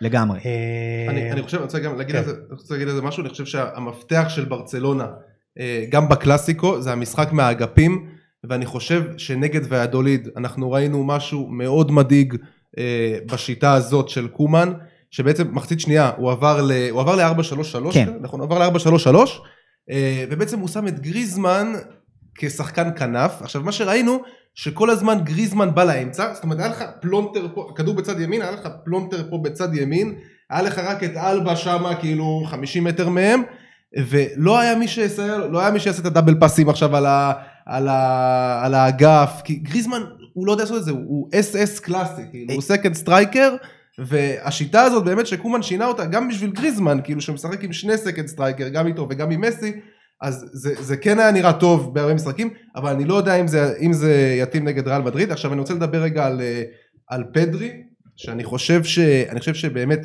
אה, זה שחקן שאני שומע גם הרבה אנשים מדברים עליו, גם איניאסטה דיבר אליו, שאתה יודע, הרבה אנשים כבר מנסים לעשות את ההשוואה הזאת לאיניאסטה, ולהפוך אותו לסוג של איניאסטה החדש, אתה יודע, כשחקן החופשי בקישור. רונל פה, ה- זה יפה את הלב שאתה מזכיר אותם באותה נשימה כרגע. השמונה הקלאסי, כן, כן, סליחה רונן, סליחה. לא, מנסים, מנסים. אז, אז באמת כאילו אה, פטרי מאוד משמעותי בברצלונה, הרבה מדברים עליו, גם איניאסטה אמר את זה שהוא מפגין המון בגרות במשחק שלו, המון שקט, אז באמת הוא הנער, אה, שזה מתחת לגיל 21 אם אני לא טועה, או 18, אני לא יודע, לא, לא הוא- רשמו הוא זה עדיין. בעשרה. כן, אז הוא הנער עם הכי, עם הכי הרבה דקות משחק בחמש הליגות הבכירות, זה קודם כל, אה, והוא מוביל בכמות, זאת אומרת, את התרומה שלו פחות רואים בסטטיסטיקה, אבל כן בבילדאפ של ברצלונה, שהיא הקבוצה שמפקיעה הכי הרבה שערים בעצם אה, מהנעת כדור, מבילדאפ של, שזה בעצם מעל 10 מסירות, היא הקבוצה שמבקיעה הכי הרבה שערים, והיא הקבוצה עם הכי נכון. הרבה קורות גם.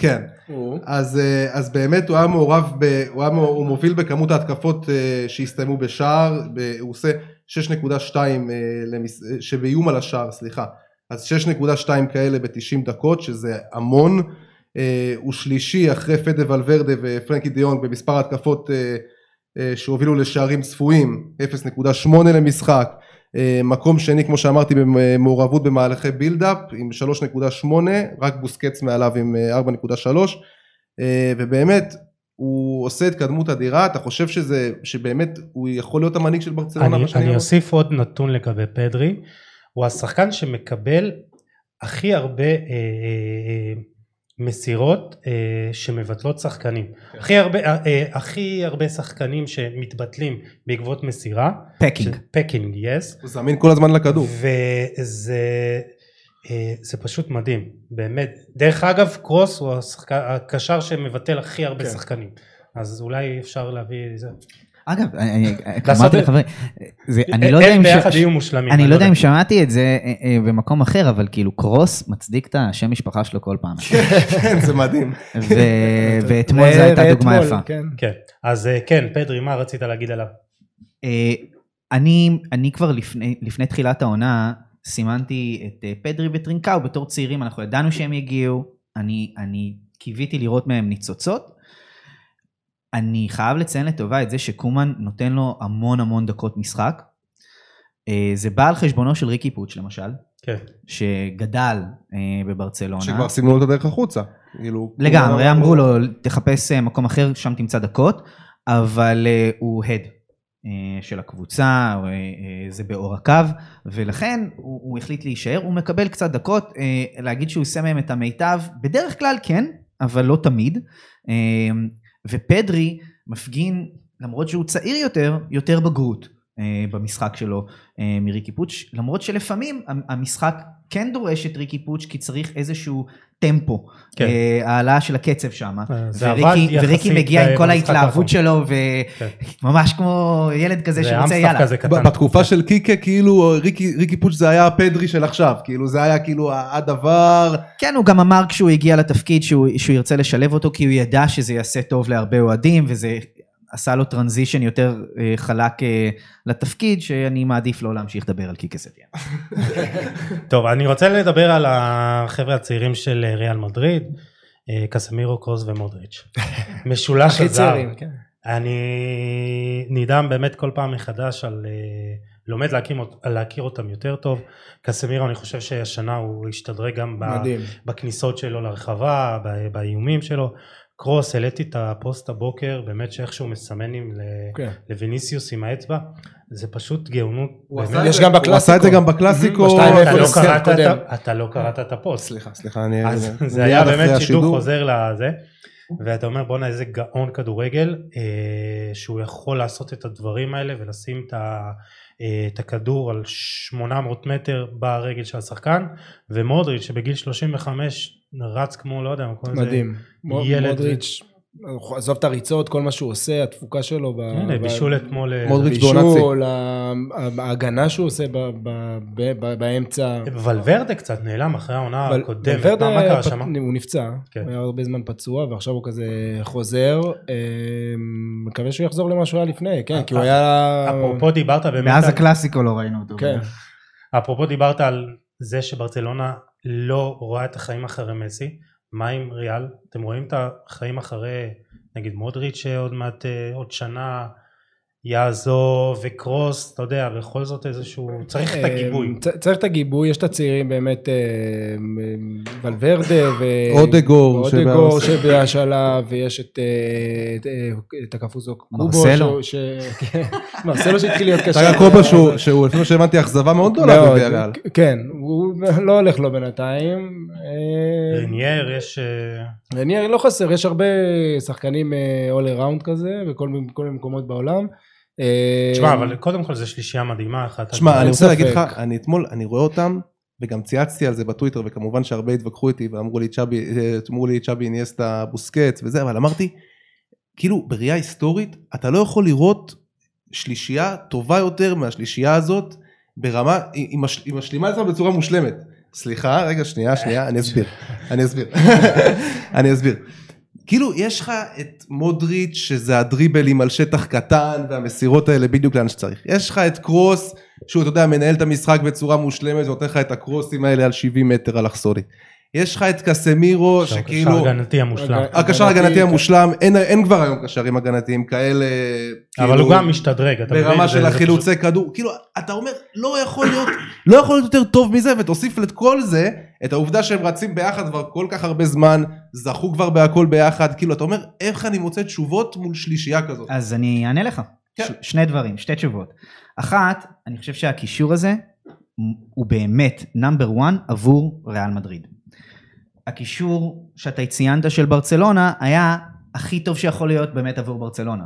כי גם שם הייתה את ההשלמה הזאת, אינייסטה על תקן יותר קריאייטיב עם הכדור, נכון. צ'אבי שיודע לתת את המסירות הארוכות האלה גם כן, ובוסקץ שהוא קשר הגנתי, אבל יותר, אה, בוא נגיד, הוא שונה באופי. ההבדל בין בוסקץ לקסמירו זה ההבדל בין מה שריאל מדריד נכון, צריכה. מהקשר ההגנתי שלה ומה שברצלונה אני, צריכה אני מהקשר אני, אני, ההגנתי אסביר, שלה. אני חושב, אני אסביר למה התכוונתי, אני חושב שהחבר'ה האלה, כאילו מודריץ', קסמירו אה, וקרוס, הם, הם לא מקבלים, כאילו תמיד אומרים צ'אבי איניאסטה בוסקץ, וכאילו לא מזכירים אותם אני באותה נשימה. כבר, אני חושב שבשנים כן. האחרונות זה, זה המגמה הזאת השתנתה, הם מקבלים המון קרדיט ובצדק, ואיך מתמודדים עם זה, שאלת, אוקיי? אז פה זה כבר נהיה מעניין, אה, אני לא יודע אם אני מקדים את המאוחר, אבל אני יכול להגיד לכם שאני כבר קראתי אצלנו בתגובות בבר סמניה, על איזה, איזה הרכב אתם עולים, איזה מערך, איך אתם, איך אתם אה, עולים לזה. אז הרבה אנשים דיברו על זה שראו אתמול, עוד פעם, את האפקטיביות של השלישייה הזאת בקישור, ולכן מסתכלים על אולי על 352, על אה, קישור מאוד מאוד מעובה. אה, זהו, אה, זה- מי יהיה בחמש האלה? נדבר על זה בהמשך. אוקיי. צעירים באמת של אה, ריאל מדריד. ראינו אתמול את אה, ויניסיוס שהוא... יש עתיד איתו? אני, אני חושב?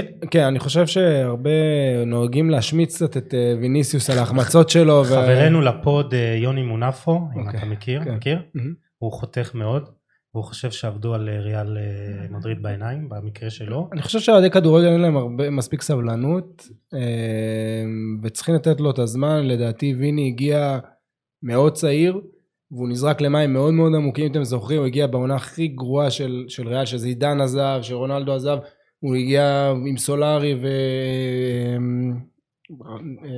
לא משנה, קיצר הוא נזרק שם למים העמוקים ו... וכאילו אמרו לו אוקיי תעשה כאילו אתה משחק כבר אה, עשר שנים בליגה תעשה מה שאתה צריך לעשות. והוא מאוד לא ידע מה לעשות והוא לא מצא את עצמו.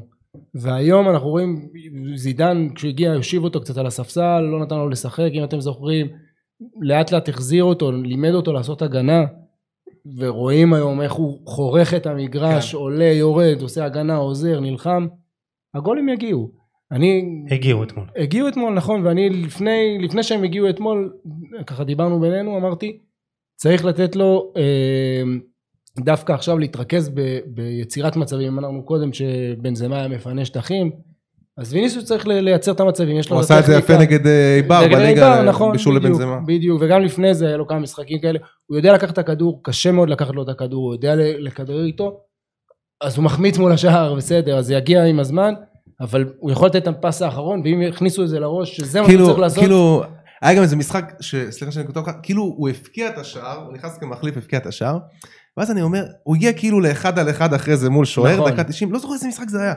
הוא הגיע לאחד על אחד מול שוער מול דקה, כאילו דקה 90, תן צמד, כן, תגיד וואלה כן. עליתי מחליף, נתתי צמד, הוא ניסה תהיה- לעבור אותו שם, היה שם איזה משהו, תהיה כוכב. כן. במקום זה, כאילו אני אומר, הנה תעשה את הקפיצת מדרגה, כן. תעשה את זה, תן את הגול עכשיו, תסתום פיות, ו... אני מקווה שאתמול זה הייתה, ה- קיבל את ההחלטה הכי גרועה. אני אמנם פחות אוהד ריאל מדריד, אבל, שם לב. אבל, אבל אני דווקא חושב שהקפיצת מדרגה שלו יכולה להגיע בזה שהוא לא יחשוב כל הזמן על לתת את הגול. בדיוק, זה- זה בדיוק מה שאני אומר, זה זה בדיוק מה שאני לא, אומר, אבל כאילו תגמור את המשחק. הוא כל כאילו- כך, אבל, הוא, אבל בסדר, זה, זה אחלה שהוא רוצה, נכון. והוא רוצה להוכיח, כי הוא חלוץ, כי זה בדם שלו, וזה לתת- בסדר את גמור. אבל זידן דווקא עם הקור רוח האינסופי שלו, אה, יכול אה, להיות אה, מה שנקרא נוגדן להתלהבות יתר הזאת. נכון, וזה זה מסכים במאה אחוז, וזה בדיוק מה שאני אומר שעכשיו צריך לקחת אותו אחורה להגיד אוקיי, אז אתה עושה את ההגנה, למה אתה לעשות לרדת, ל- לעלות לרדת לעשות את ההגנה? אתה לוקח את הכדורים, תדחוף אותם פנימה, במקום לבעוט אותם, תדחוף פנימה למי שייתן את הנגיעה האחרונה ויכניס אותה פנימה. אתמול אגב, הגול, גם, האמת שני הגולים שלו, זה גולים ש... לא, לפני לא, חודש כאילו הגול- היה הגול הראשון, הגול הראשון כאילו זה כן. זה מהלך שהוא לא היה עושה, כאילו התנועה הזאת נכון. לעומק, זה זה בעיניי מסמל גם קצת על הבגרות, אתה יודע, לא אבל- רק את הכדור לרגל כל הזמן. אבל גם הגול השני שלו, השלישי, זה תנועה של חלוץ כן. בתוך הרחבה. של תנועה של ללא כדור, שזה חשוב, ואז, אתה יודע, אה, גול בנגיעה. אה, מה עם אה, רודריגו? אני רוצה באמת...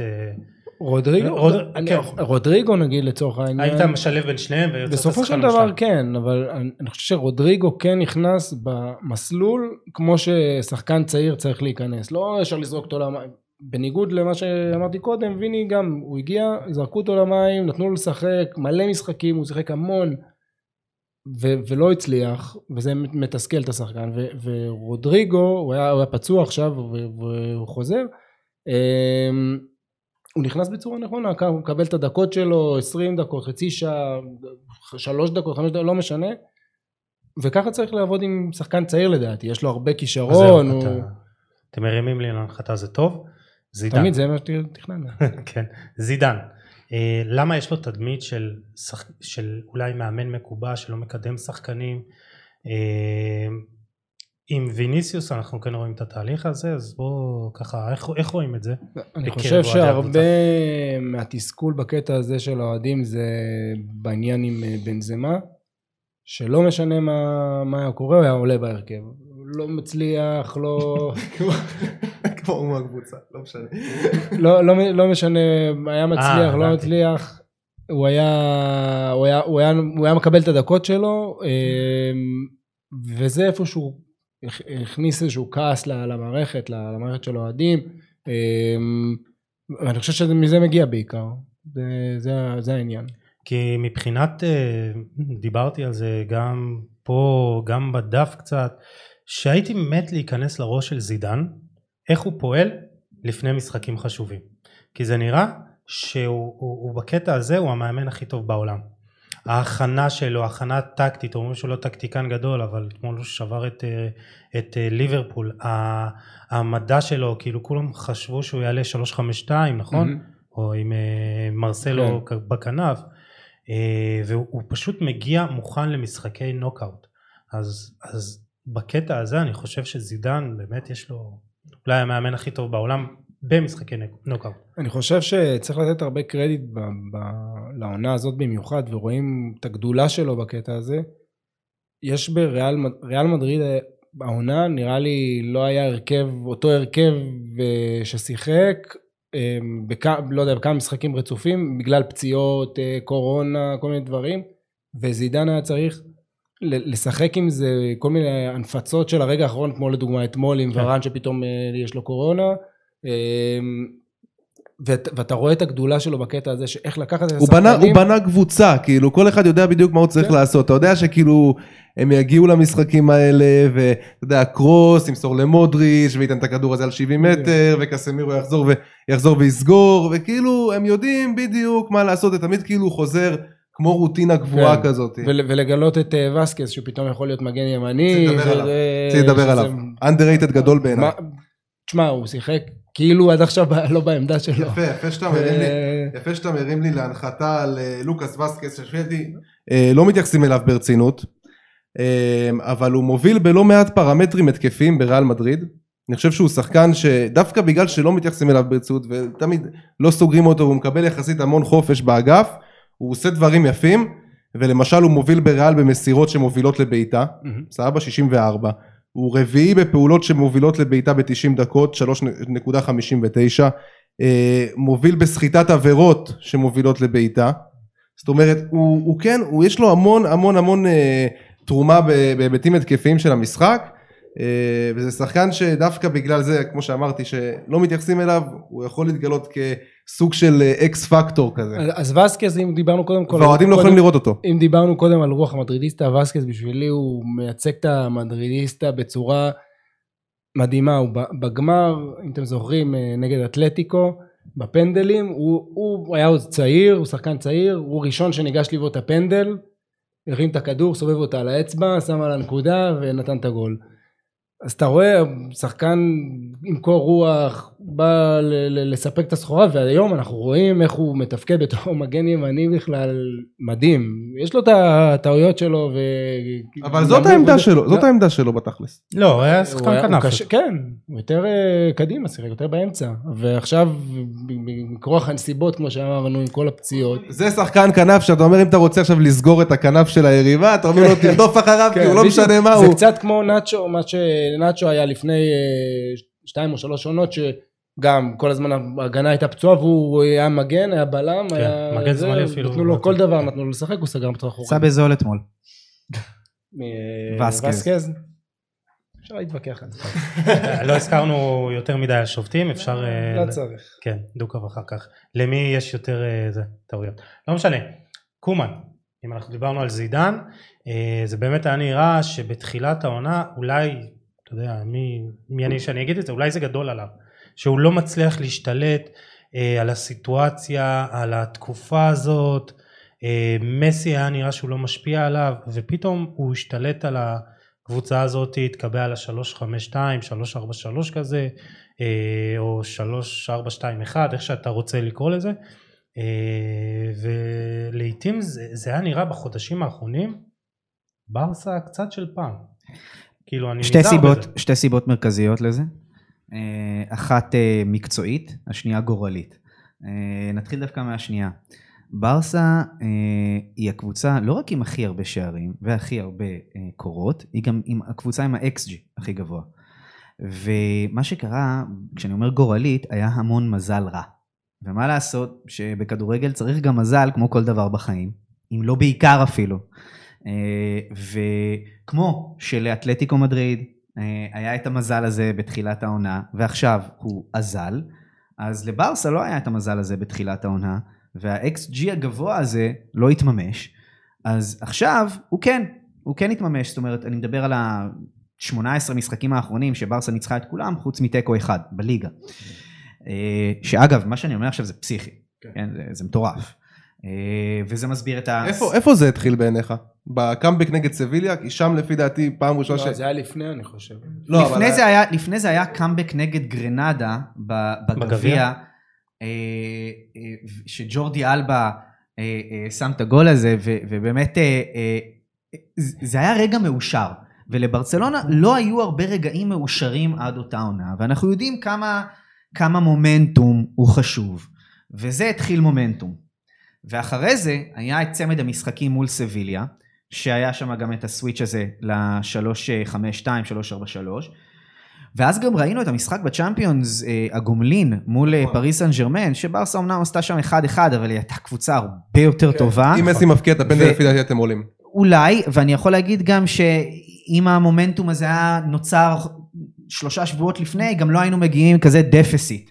אבל אה, אה, זה, זה סיבה, זאת אומרת, זה, זה שני הדברים האלה ביחד. הגורל הזה שהשתנה יצר את המומנטום, והתוספת המקצועית הזאת של השינוי ל-352 וה-343 גם נתן אה, אה, אה, את הבוסט הגדול הזה.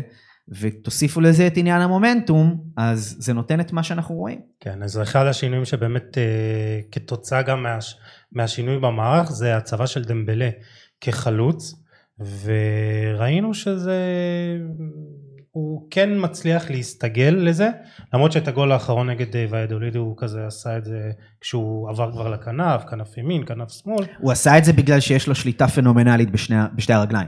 כן. אה, זו הסיבה שהוא עשה את זה.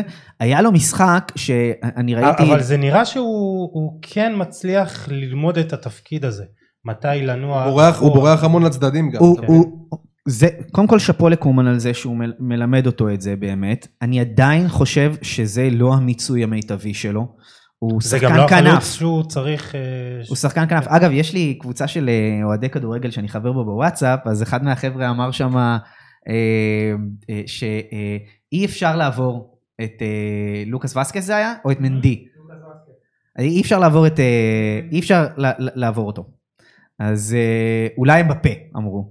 אז אה, אמרתי, אוקיי, ביום שבת יש לו אחלה מבחן, בוא נראה. אה, גם הוא מהיר, דמבלה, מאוד. והוא הוא, הוא עובד יפה תחת ההוראות של קומן, זה גם משהו שצריך לזקוף לזכותו של קומן. אני, אני עדיין מתלבט לגבי התפקוד שלו כן. בקלאסיקו, איך הוא הולך להיות מתופקד. ברסה כביכול, גם, גם איתו כחלוץ, היא עדיין ללא תשע אמיתי. אבל גם חסר עוד איזה שחקן כנף, כי למשל אם אתה משחק עם אה, דמבלה עכשיו באחד האגפים, אוקיי, אתה משחק עם מסי חלוץ מדומה, אתה לא יכול לשחק עם גריזמן באגף, זה פשוט לא עובד. השחקן הזה הוא פשוט אס אס, כאילו, וזהו, הוא לא יכול לשחק ב, אה, באגף, ולגבי, ולגבי דמבלה, אני חושב ש... אוקיי, יש פה באמת, קורה פה משהו טוב, סבבה, אבל בואו לא נתבלבל. זה עדיין בעיניי- דמבלה. בעיניי מדובר עדיין בפלסטר, עם כל הכבוד, גם אם הוא נותן איזה גול דקה 90 ונותן עוד איזה כמה גולים, בעמדת החלוץ. וסבבה, זה כן, אז זה לא אז- החלוץ, אז לא זה בעמדת החלוץ, זה ברור. לא החלוץ, זה לא, לא זה החלוץ של. ברצלונה, לברצלונה כרגע זה זה בלתי נתפס, אבל אין לה חלוץ בסגל, כאילו, אוקיי, ברייתווייט, סבבה, זה טוב נגד ישראל, אבל, אבל, אה, סליחה איתן נכון, טיבי. נכון, לברצלונה אבל, אין אה, חלוץ. זה, זה מדהים כאילו, זה מדהים כאילו שלברצלונה אין חלוץ, ודמבלה גם... ועדיין, היא הקבוצה שכובשת הכי הרבה. נכון, נכון, כי, כי, כי כל, כל כי יש את המכונה עדיין בסופו של עובדת. דבר אין כאילו. מה לעשות. כל המכונה... פרגן לו. לא, כן. זה- אבל זה- משם זה מגיע. אבל נגיד נגד. אבל נגיד נגד פריז, שדיברת על המשחק השני, כאילו זה כל כך צעק לשמיים, שאם יש שם חלוץ אמיתי, כאילו לצורך העניין, אם סוארז נמצא שם, זהו, העדיפו זה לשלוח 3-0. אותו לאתלטיקו מדריד. כן. כן, כאילו, לא, החלטה, החלטה סבבה כזאת. אבל אה, אז, אז כאילו באמת, אם יש שם חלוץ זה 3-0 במחצית, נכון. ברמה כזאת. אה, זה מילה אחרונה על דמבלה. יש מצב שהוא יהפוך למה שקיוו שהוא יהיה? אה, אני לא יודע מה קיוו שהוא יהיה. נעימר. הוא לא נאמר. נאמר, שחקן אה, שיש לו איכויות אולי אני יכול לספור, פחות מ- מיד אחת אני יכול לספור את השחקנים בעולם, שהם גם multi scorerים וגם master playmakerים. כן. אין, אין כאלה, אה, בעיקרון.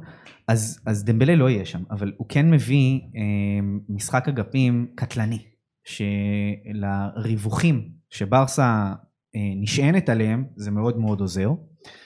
אה, הוא גם מביא מימד של מהירות שחסר בברצלונה.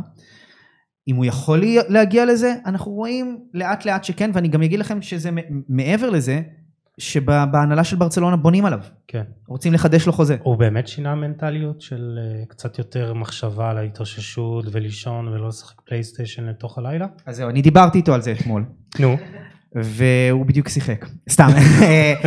אה, אתה יודע, אנחנו ניזונים ממה שאנחנו שומעים, ומה ש...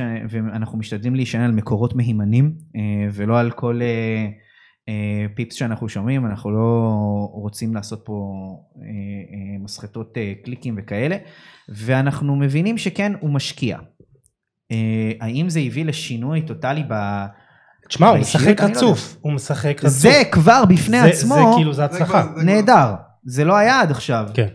אז וזה, אה, אגב, זה לא היה 180 מיליון יורו, בגלל שהוא לא שיחק אה, הרבה מאוד משחקים, אז זה יצא לדעתי באזור ה-110 מיליון, שזה כבר.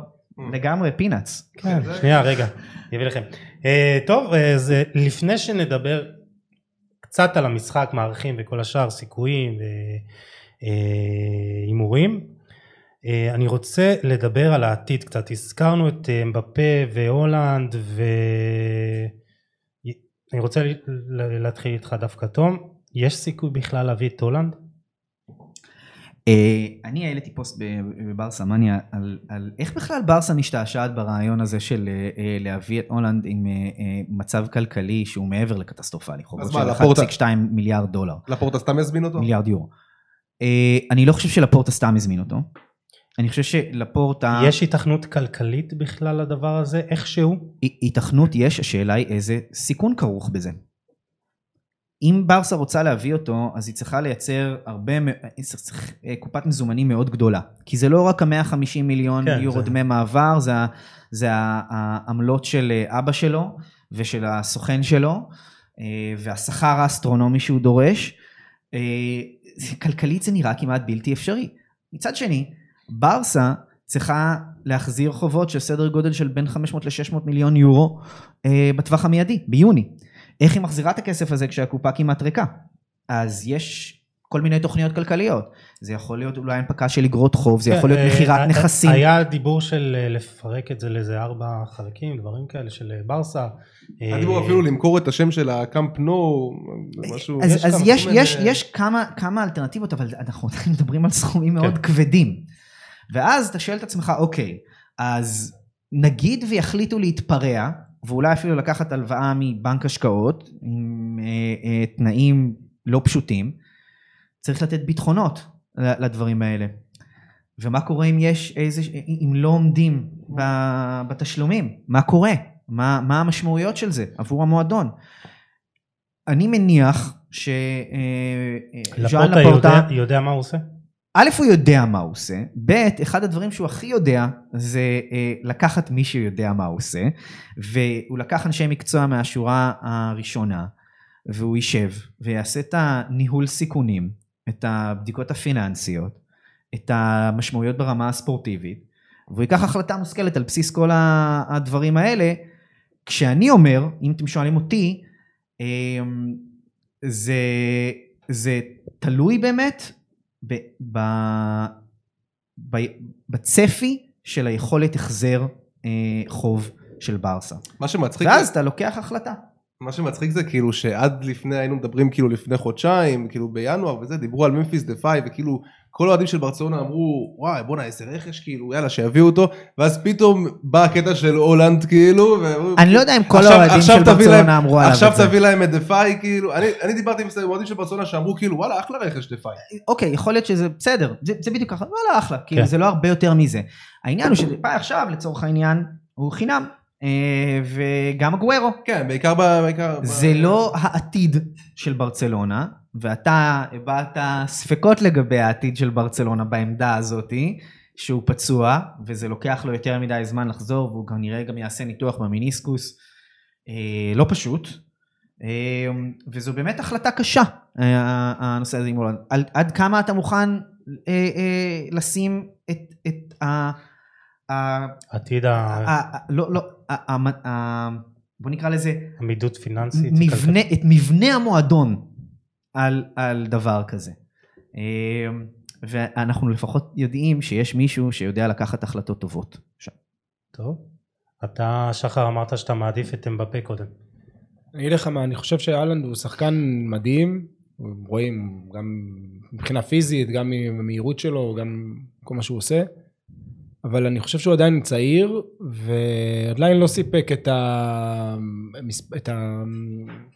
את, מה שהוא צריך לספק, כאילו, לא הביא הישגים, בוא נגיד ככה, כן? לא, לא, זה לא אמבפה, אמבפה לגביע יש לו מונדיאל. לא, אל תשכח אבל כאילו איזה במה הוא קיבל ואיזה במה הוא קיבל. לא, ברור, ברור, ברור, בסדר, אבל עדיין אני חושב, אני, החשש שלי שהוא אמ, יבוא ולא יצליח להסתדר בקבוצה, אה, סליחה על ההשוואה, אבל כמו כאילו יוביץ' שהגיע לריאל, ושהוא הגיע גם מקבוצה לא גדולה, משטוטגרט, ועשה שם עונה, פרנקפורט. בפרנקפורט, סליחה, ועשה שם, אה, עשה עונה מדהימה, ו- וגולים והכל, ואז הגיע ולא הצליח להסתדר, אז כאילו החשש שלי... ואז חזר והסתדר. כן, כן, אז בדיוק, אני לא, אני חושש שאולי הוא לא יהיה מספיק מתאים בשלב הזה ל- לריאל, ובגלל זה אני מעדיף כן את, את אמבפה ב- ב- בעמדה שהיא, כאילו, אז זהו, שני דברים. א', אה, דיברתי על זה בדף, שאני חושב שריאל מדריד היא הקבוצה המתאימה ביותר אה, להולנד, מבחינת סגנון המשחק, מבחינת מה שהוא מביא, ובנזמה יוכל לפנות לו כמה שהוא רוצה שטחים. אה, אני מאוד מסקרן אותי לראות אותו במנצ'סטר סיטי למשל, עם פפ, ואני חושב שהוא גם יתאים לברצלונה, כן? אבל אה, אני חושב שלריאל מדריד הוא יתאים הכי הרבה. מה שכן, אה, אני לא יודע איפה שמעתי את זה, שמבפה מעדיף לשחק על הקו. אז אה, אני... אוקיי, לא, אני, אני, אני עדיין חושב שגם אודגור לצורך העניין, שגם היה לה בעונה מדהימה, והגיע ולא, ולא הצליח להשתלב כמו שצריך, אני, אני חושב שמה... מעדיף מישהו בשל יותר... אה, כן, בדיוק, מישהו שכבר עבר כמה דברים, וידע... תשמע, הבן אדם מביא מונדיאל ברגליים שלו, כאילו. בגיל אה, אה, גיל 18. כן, אה, 18. בוא נדבר בקצרה, יש עוד שמות על הפרק מבחינת רכש חוץ מ... יש כל מיני דברים, אבל אתה יודע, זה הכל עכשיו עוד ב- בספקולציות ו... ודבר, ודברים שסוכנים, מה שנקרא. קמבינגה כן, וכאלה. כל מיני...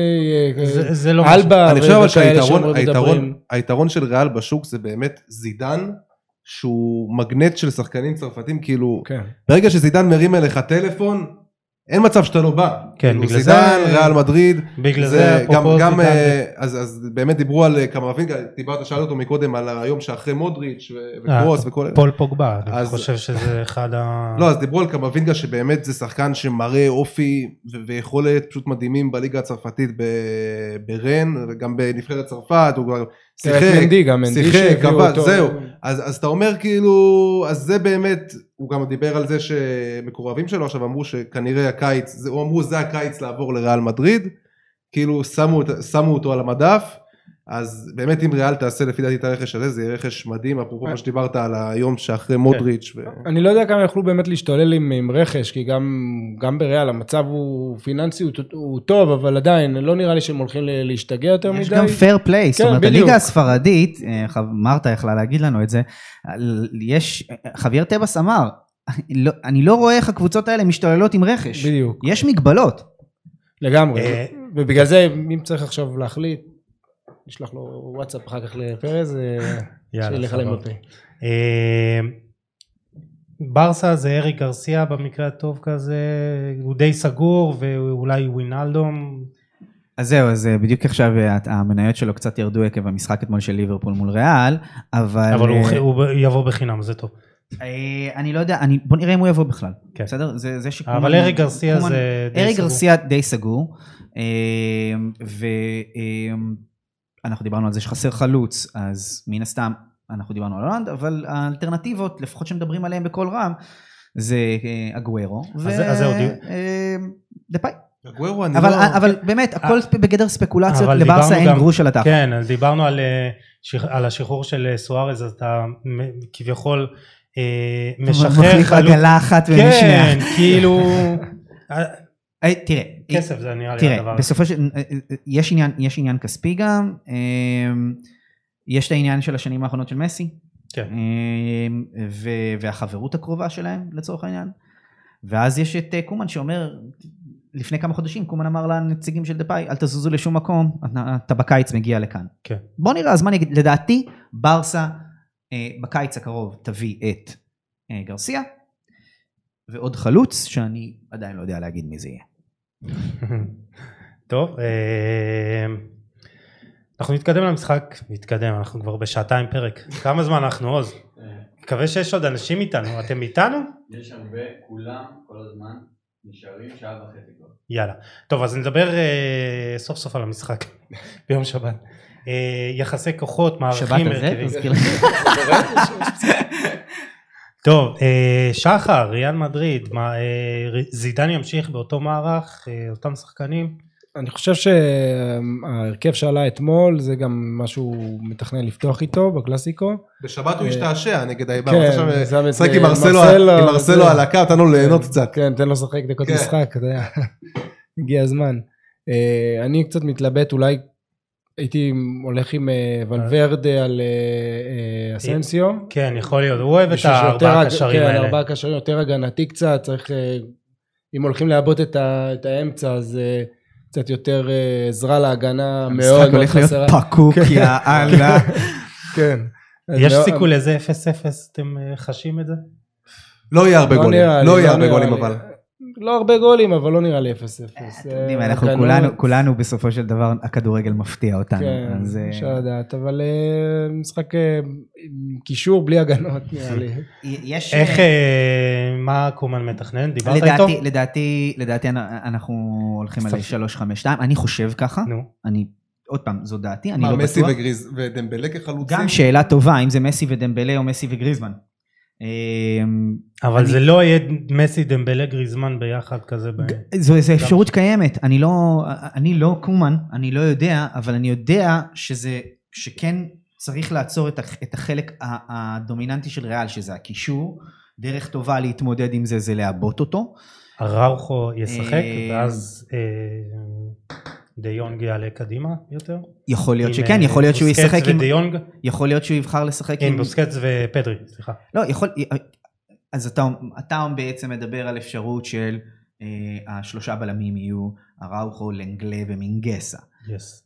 יכול להיות, זה, זה שלושה בלמים שרצים, אין בעיה, אבל גם אנחנו רואים שברוב המשחקים פרנקי דה יונג כן מתופקד בתור הבלם המרכזי הזה, נכון. למרות שהוא לאו דווקא המגן המרכזי בבלמים האלה, אלא זה שיודע לעשות את ה build-up מה, מה, מאחורה קדימה, כמו שציינתי לפני, זה סוג של קצת ליברו כזה. אמ, אני, אני חושב שיהיה 352, אני, אני מאמין ש, שהוא ישחק עם אה, פרנקי דה יונג שמה, אני חושב שירצה את הקשיחות של אראוחו, יכול מאוד להיות שגם אה, לנגלה יהיה, אמ, למרות שהוא עושה המון טעויות, זהו, אני חושב אה, שחוסר לנגלה? הניסיון של מינגסה כן. אולי יגרום לו לחשש, אני לא יודע, עוד פעם, אבל יכול מאוד להיות שאנחנו נראה אה, את הניסיון הזה לייצר את, ה, את השלישיית בלמים הכי חז, חזקים שאפשר, ושלישיית ב- קישור אה, גם חזקה יותר. אה, אה, ובקישור אנחנו, אנחנו נראה עדיין את, את דסט ואלבה באגפים, אנחנו נראה את בוסקץ ופדרי. מי יהיה הקשר הנוסף הזה, ב- אם זה אכן יהיה חמש, תוצר... אז, אתה יודע, יש לנו אוהדים שמדברים על זה, בואו תנו להילה יש את המפתחות, הוא שם, הוא בסדר, הוא, הוא גם פיזי, כן. זה, זה טוב. אז זה- זה יכול להיות... סרג'י רוברטו חוזר מפציעה, אני לא חושב שהוא הולך לפתוח כי הוא רק חוזר, אבל יש לו ניסיון נגד מדריד.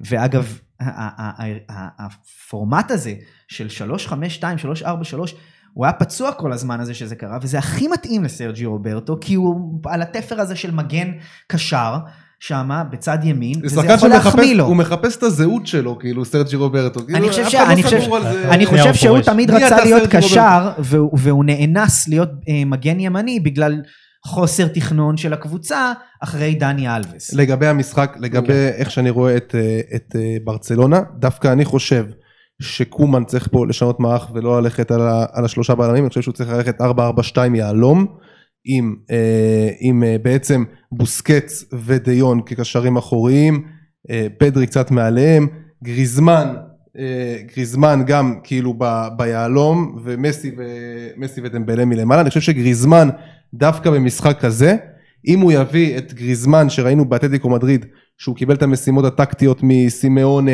והוא יודע שם, אתה יודע, הוא, יודע- הוא, יודע, הוא יודע להרביץ במרכז המגרש, גריזמן, אל תראו אותו ככה, הוא, הוא לא פראייר, אני חושב שדווקא במשחק כזה, גריזמן יכול מאוד מאוד מאוד להיות uh, קריטי בשביל ברצלונה, בעיקר בעבודה הטקטית, בעיקר בלסגור את, uh, את uh, קסמירו, את קרוס, את מודריץ', ולהקשות על הנעת כדור של ריאל מדריד. ומסי כמובן כשחקן חופשי, וגם ככה, אתה בעצם, אני חושב שדסט ודסט ואלבה, בעצם תן להם את כל האגפים, פתח להם את האגפים, תן להם לשחק, כי זה שחקנים ש... הם, הם, לא, הם לא תמיד צריכים עזרה באגפים, הם שחקנים שיכולים לסגור, לסגור לך אגף לבד, אז uh, באמת ככה אני הייתי משחק כמה שיותר מאבד את האמצע, נותן לגריזמן גם תפקיד uh, הגנתי, כי קודם כל uh, קומן צריך לחשוב על איך הוא עוצר את, ה, את, השלישייה, את השלישייה באמצע של ריאל מדריד, שזה... אני בעיניי אופתע אם הוא יפתח ב-442, זה מאוד מאוד הפתיע אותי. אתה יודע כן, מה, אני אגיד יותר- כנראה לא יותר יפתח. מזה אפילו. אני אופתע אם הוא לא יפתח ב-352.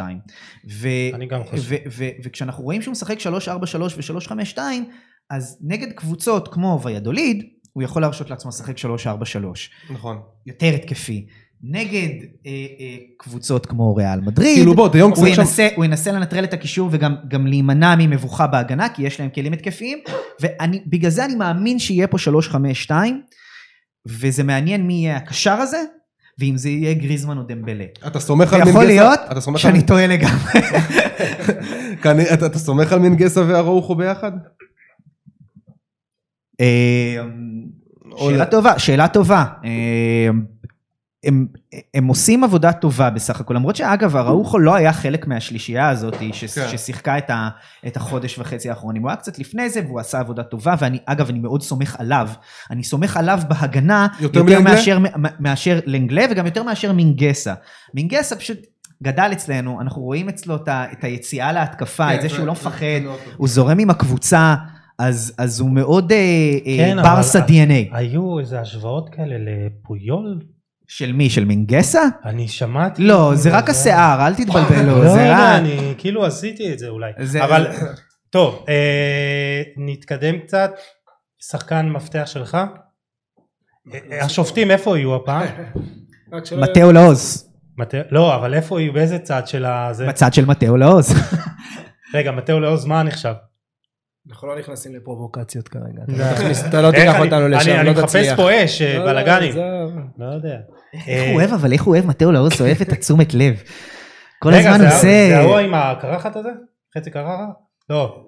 אני לא יודע לאיזה שופט אין חצי קרחת. לא, לא, נו, אני.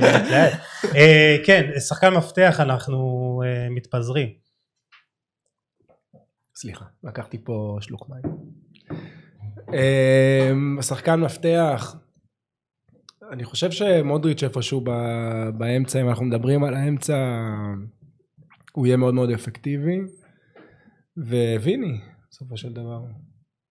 הוא השחקן מפתח שלי, כי הוא ה-game changer כנראה, אם הוא, הוא, למצבים יגיעו.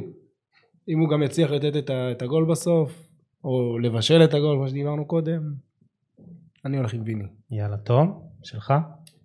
וואו, שאלה קשה. שאלה קשה, אני... מן הסתם, מסי. איך הוא מגיע?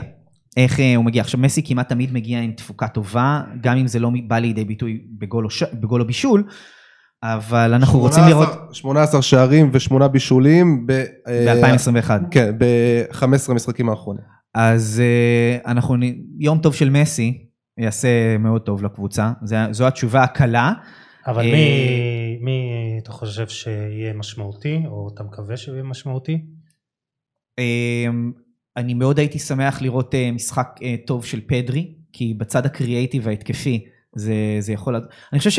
בוא נגיד ככה, אם, אני מס... אם, אם, אם הקישור הוא כל כך חשוב לריאל, וכתוצאה מזה גם לברצלונה, וברצלונה תמיד החישור, הקישור היה חשוב, אז אני, אני מסתכל על שני אלמנטים בקישור של ברצלונה שאני יודע שישחקו בוודאות, וזה בצד ההגנתי שלו זה בוסקץ, הוא צריך לתת פרפורמנס מאוד מאוד טוב, ובצד היותר התקפי של הקישור פדרי. אם אנחנו נראה איזון טוב בין שניהם במשחק הזה, ביחד עם אה, תצוגה טובה של מסי, אז, אה, אז ברסה יכולה להתמודד טוב עם הקישור של ריאל, ואמן כן יהי רצון. אני חושב, אני חושב שהמפתח בכלל למשחק ההתקפי של ברצלונה, קודם, קודם, קודם כל מסי, כאילו אין, אין מה להרחיב על זה. אני, אני, אבל כמו שאמרתי מקודם, מבחינתי זה דסט וג'ורדי אלבה, שאם שניהם במשחק טוב, ואם שניהם יקבלו את החופש, אה, את החופש באגפים, לריאל יהיה מאוד מאוד קשה לעצור אותם. דווקא אני רואה את המפתח באגפים ולא מהאמצע שיש שם פקק. יש שם פקק. יש. אני חושב שה, שהקישור קצת יבטל את עצמו במשחק. נראה, בוא נראה, נראה מה יהיה. אז אה, אני חושב שצמד אה, הבלמים של ריאל והשלושה של ברצלונה אה, ישחקו מאוד תפקיד חשוב, כי ריאל בלי רמוס, בלי ו- וורן, אה, לנגלה אתה לא יודע כאילו אם, באיזה יום הוא יבוא, מצד אחד הוא, הוא, הוא לוחץ מדהים ו- והוא טוב, ו... מצד שני, הוא נוטה לגעת ביד. לאנגלה זה כן, טעות, פתאום- טעות למשחק, כן. פתאום הוא נותן לך את- הפנדל הזה, אז, אז, אז באמת מי, מי מהבלמים של הקבוצות יבוא ב, ב, ביום טוב, אני חושב שהקבוצה אני שלו מסכים תנצח. שההגנות יהיו כן. חלק משמעותי בסופו של אה, דבר. אה, או מי מי יעשה פחות טעויות שם? בדיוק. בדיוק. אה, טוב, אז אה, הימורים, בוא, בוא נסיים. הימורים, אה, חמסה חמסה, כל אחד כן, יגיד לפני, ו... חמסה, חמסה. אני לא מהמר, אני לא מהמר, קשה לי, אני לא יכול. אני גם לא רוצה לנכס. תגיד 3-0 ריאל. קשה לי להגיד מילים כאלה. אתם רוצים שאנחנו רגע, אז נגיד? לא, זה לא הולך מהר, רק אני אקפוץ על טוב, אז אני. אגיד 0-0, 1-1. מדרידיסטה, הלו, מה? 0-0 או 1-1, משחק רוצה- קשוח אני מאוד. אומר- אגב, אחד, תיקו- זו לא תוצאה כל כך רעה. לא, לריאל לדעתי זה... פחות טוב. פחות טוב. כן. תיקו לברצלונה זו לא רע כזאת. תוצאה רעה. במיוחד שאתם נפגשים עוד עם אה, אתלטיקו. נכון. בדיוק בגלל זה. תיקו ואתם וגם עולים אנחנו- למקום ראשון אחרי אנחנו- שאתלטיקו מפסידה. וגם אנחנו עם שתי נקודות יותר, כן. אז אז תיקו לא תהיה תוצאה קטסטרופלית. מצד שני, ניצחון של ברסה, במשחק הזה זה מהלומה. הפסד זה אומר שהם כבר לא תלויים בעצמם. ש, אני- שאגב המצב הזה בעמוד הרשמי של ברצלונה בפייסבוק פר, נתנו פוסט מאוד יפה אחרי הניצחון על ויאדוליד ואמרו באנגלית אה, We now control our own destiny וזה מצב שלא היה לברצלונה איזה ארבעה חודשים ו, ו, והעובדה שעכשיו כאוהדים אנחנו יודעים שהגורל של הקבוצה ברגליים שלה יאללה תנו בראש אז קודם, אז קודם כל אני חושב שיגמר 1-1. אה, מבחינת ההימורים, דבר שני, בסדר, לא יש היה לכם. אה, גמר ליגת אלופות, מה אתם צריכים גם אליפות? עוד פעם אתה מכפיש. אה, מפעם אחרונה שריאל מדריד ניצחו בשלושה קלאסיקו רצופים הייתה בש... בשנת 78, 78-79, זה היה הפעם האחרונה. בוא נראה, אתמול נעשתה היסטוריה קצת, אה, שליברפול אה, לא הפסידה לארבעה, לאותה קבוצה ארבע פעמים רצוף. גם. הקבוצה לא ספגה צמד מוויניסיוס, זה כן. גם קצת... אה, ואולי, מצ'ריה, חוץ מצ'ריה בליגה הברזילאית. שוברים סטטיסטיקות השבוע, אני יודע. אה, גיל, מה אתה אומר? אז זהו, אני גם רציתי להגיד אחת אחת, אבל אני לא אהיה בנאלי בגלל שכולם אמרו את זה פה. אז אני- שלוש שלוש. לא, לא, לא, אז אני אגיד, אה, אני אגיד אה, 1-0 קטן לריאל. נחנקתי רגע. אה, רונל, מה אתה אומר? אני אומר 2-1 ברצלונה, מקווה, נו. ודסט ואלבה היו השחקנים הכי משפיעים. עוז נקש, אתה רואה ליגה ספרדית? מדי פעם, סופר קלאסיקו אפשר לא לראות, אבל אה, אני הייתי הולך על... אה, זה בדיוק אחרי המשחק של ביתר, אז זה טוב כזה, באותו הרמה כזה. זה על המשחק של בית"ר. למה? לא, מה פתאום. הקלאסיקו בעשר חברים. אני- אוהד נתניה גם, אז אני יודע במקרה, אבל זה אה, קצת לפני. אז שחר הולך לראות כן. שני הפסדים. אני מקווה מאוד. 1-0 ברסה, 1-0 בית"ר. יאללה. לא, אה, ביתר אה, נתניה זה... זה 1-0 שלוש, שתיים. ביתר אמרת, אמרת ביתר לא מקבלת גול, וואו. שלוש שתיים כזה וואו. לאחת הקבוצות, זה חייב להיגמר באיזה חמישה. לב, שימו לב שהמגמה פה היא, חוץ מרונל שפרגן אה, צמד לברצלונה, המגמה פה כולם מאוד מאוד שמרנים, כול- כולנו חושבים שלא יהיה פה ריבוי שערים. זה תקופה כזאת ששתי הקבוצות, ב... כל אתה לא יודע איך הם הגיעו, איך הם אני- הגיעו, אני חושב ברצלונה שהמ- והדוליד היו מדהימים, אתה יודע, נתנו משחקים טובים ו- וניצחו בלי בכלל אה, ספק, פתאום היה את- את המשחק הזה. כל משחקי והדוליד הצמרת וריאל. בספרד גם כן. העונה הזה, 1-0 לפה, 1-0 גם הם מגיעים, 1-1. הם מגיעים עם- לדעתי תהיה זהירות טקטית שם. המשחק הזה כל. כך כל כך חשוב לשתי הקבוצות, נכון. ש- שהיא תהיה הרבה זהירות טקטית. אה, טוב, אה, היו תגובות אה, עוז? אני לא רואה פה מהמסך. חבר'ה אומרים לנו משהו? רק מחמאות ו... די, נו, תפסיק. לא, לא משהו קונקרטי. יופי. אז טוב חבר'ה אנחנו נסיים, יצא לנו איזה שעתיים פרק. מקווה שעוד חבר'ה שם שורדים.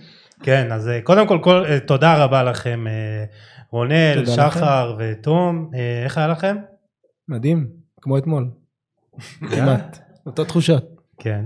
אה, תום? שמחתי, כמו שאני מקווה שיהיה גם ביום שבת. אה, רונל, תודה רבה על ההפקה והעזרה וכל התפעול פה. אה, גיל? היה תענוג, רק עשה חשק כבר שיגיע יום שבת, כי באמת, סוף סוף יש לנו את המשחק הזה הכי גדול בעולם, שהוא באמת גם יש לו משמעות כל כך גדולה, ויצאנו מפה עם המון תובנות, והמון דברים שאני אישית לא ידעתי גם, אז אה, שאפו פה לחבר'ה שבאמת חיים את הקבוצות שלהם, ו... וייצגו אותם אה, בצורה הכי טובה שיש, והיה תענוג. כן, אני גם נהניתי ובאמת היה פרק אה, מרתק, אפילו עשינו ראיון באנגלית, אז אה, זה גם איזה התקדמות. חבר'ה, פורץ גבולות. כן, מה, פעם הבאה באיזה, ספרדית. סתם, נלמד קודם.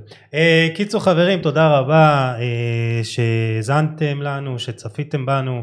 אני רוצה להזכיר לכם שאנחנו פה באולפן של אה, עוז נקש, האלוף, אולפני פודקאסט סטודיו שבראשון לציון, עושה אחלה עבודה. תודה רונל, תודה שחר, תום, גיל. אני יוסי עדני באמת רוצה... תודה ל- לך יוסי. בבקשה. תודה רבה.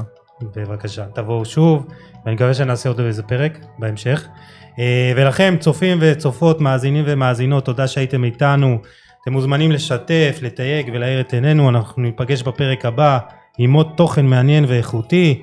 תשמרו על עצמכם, יאללה, ביי.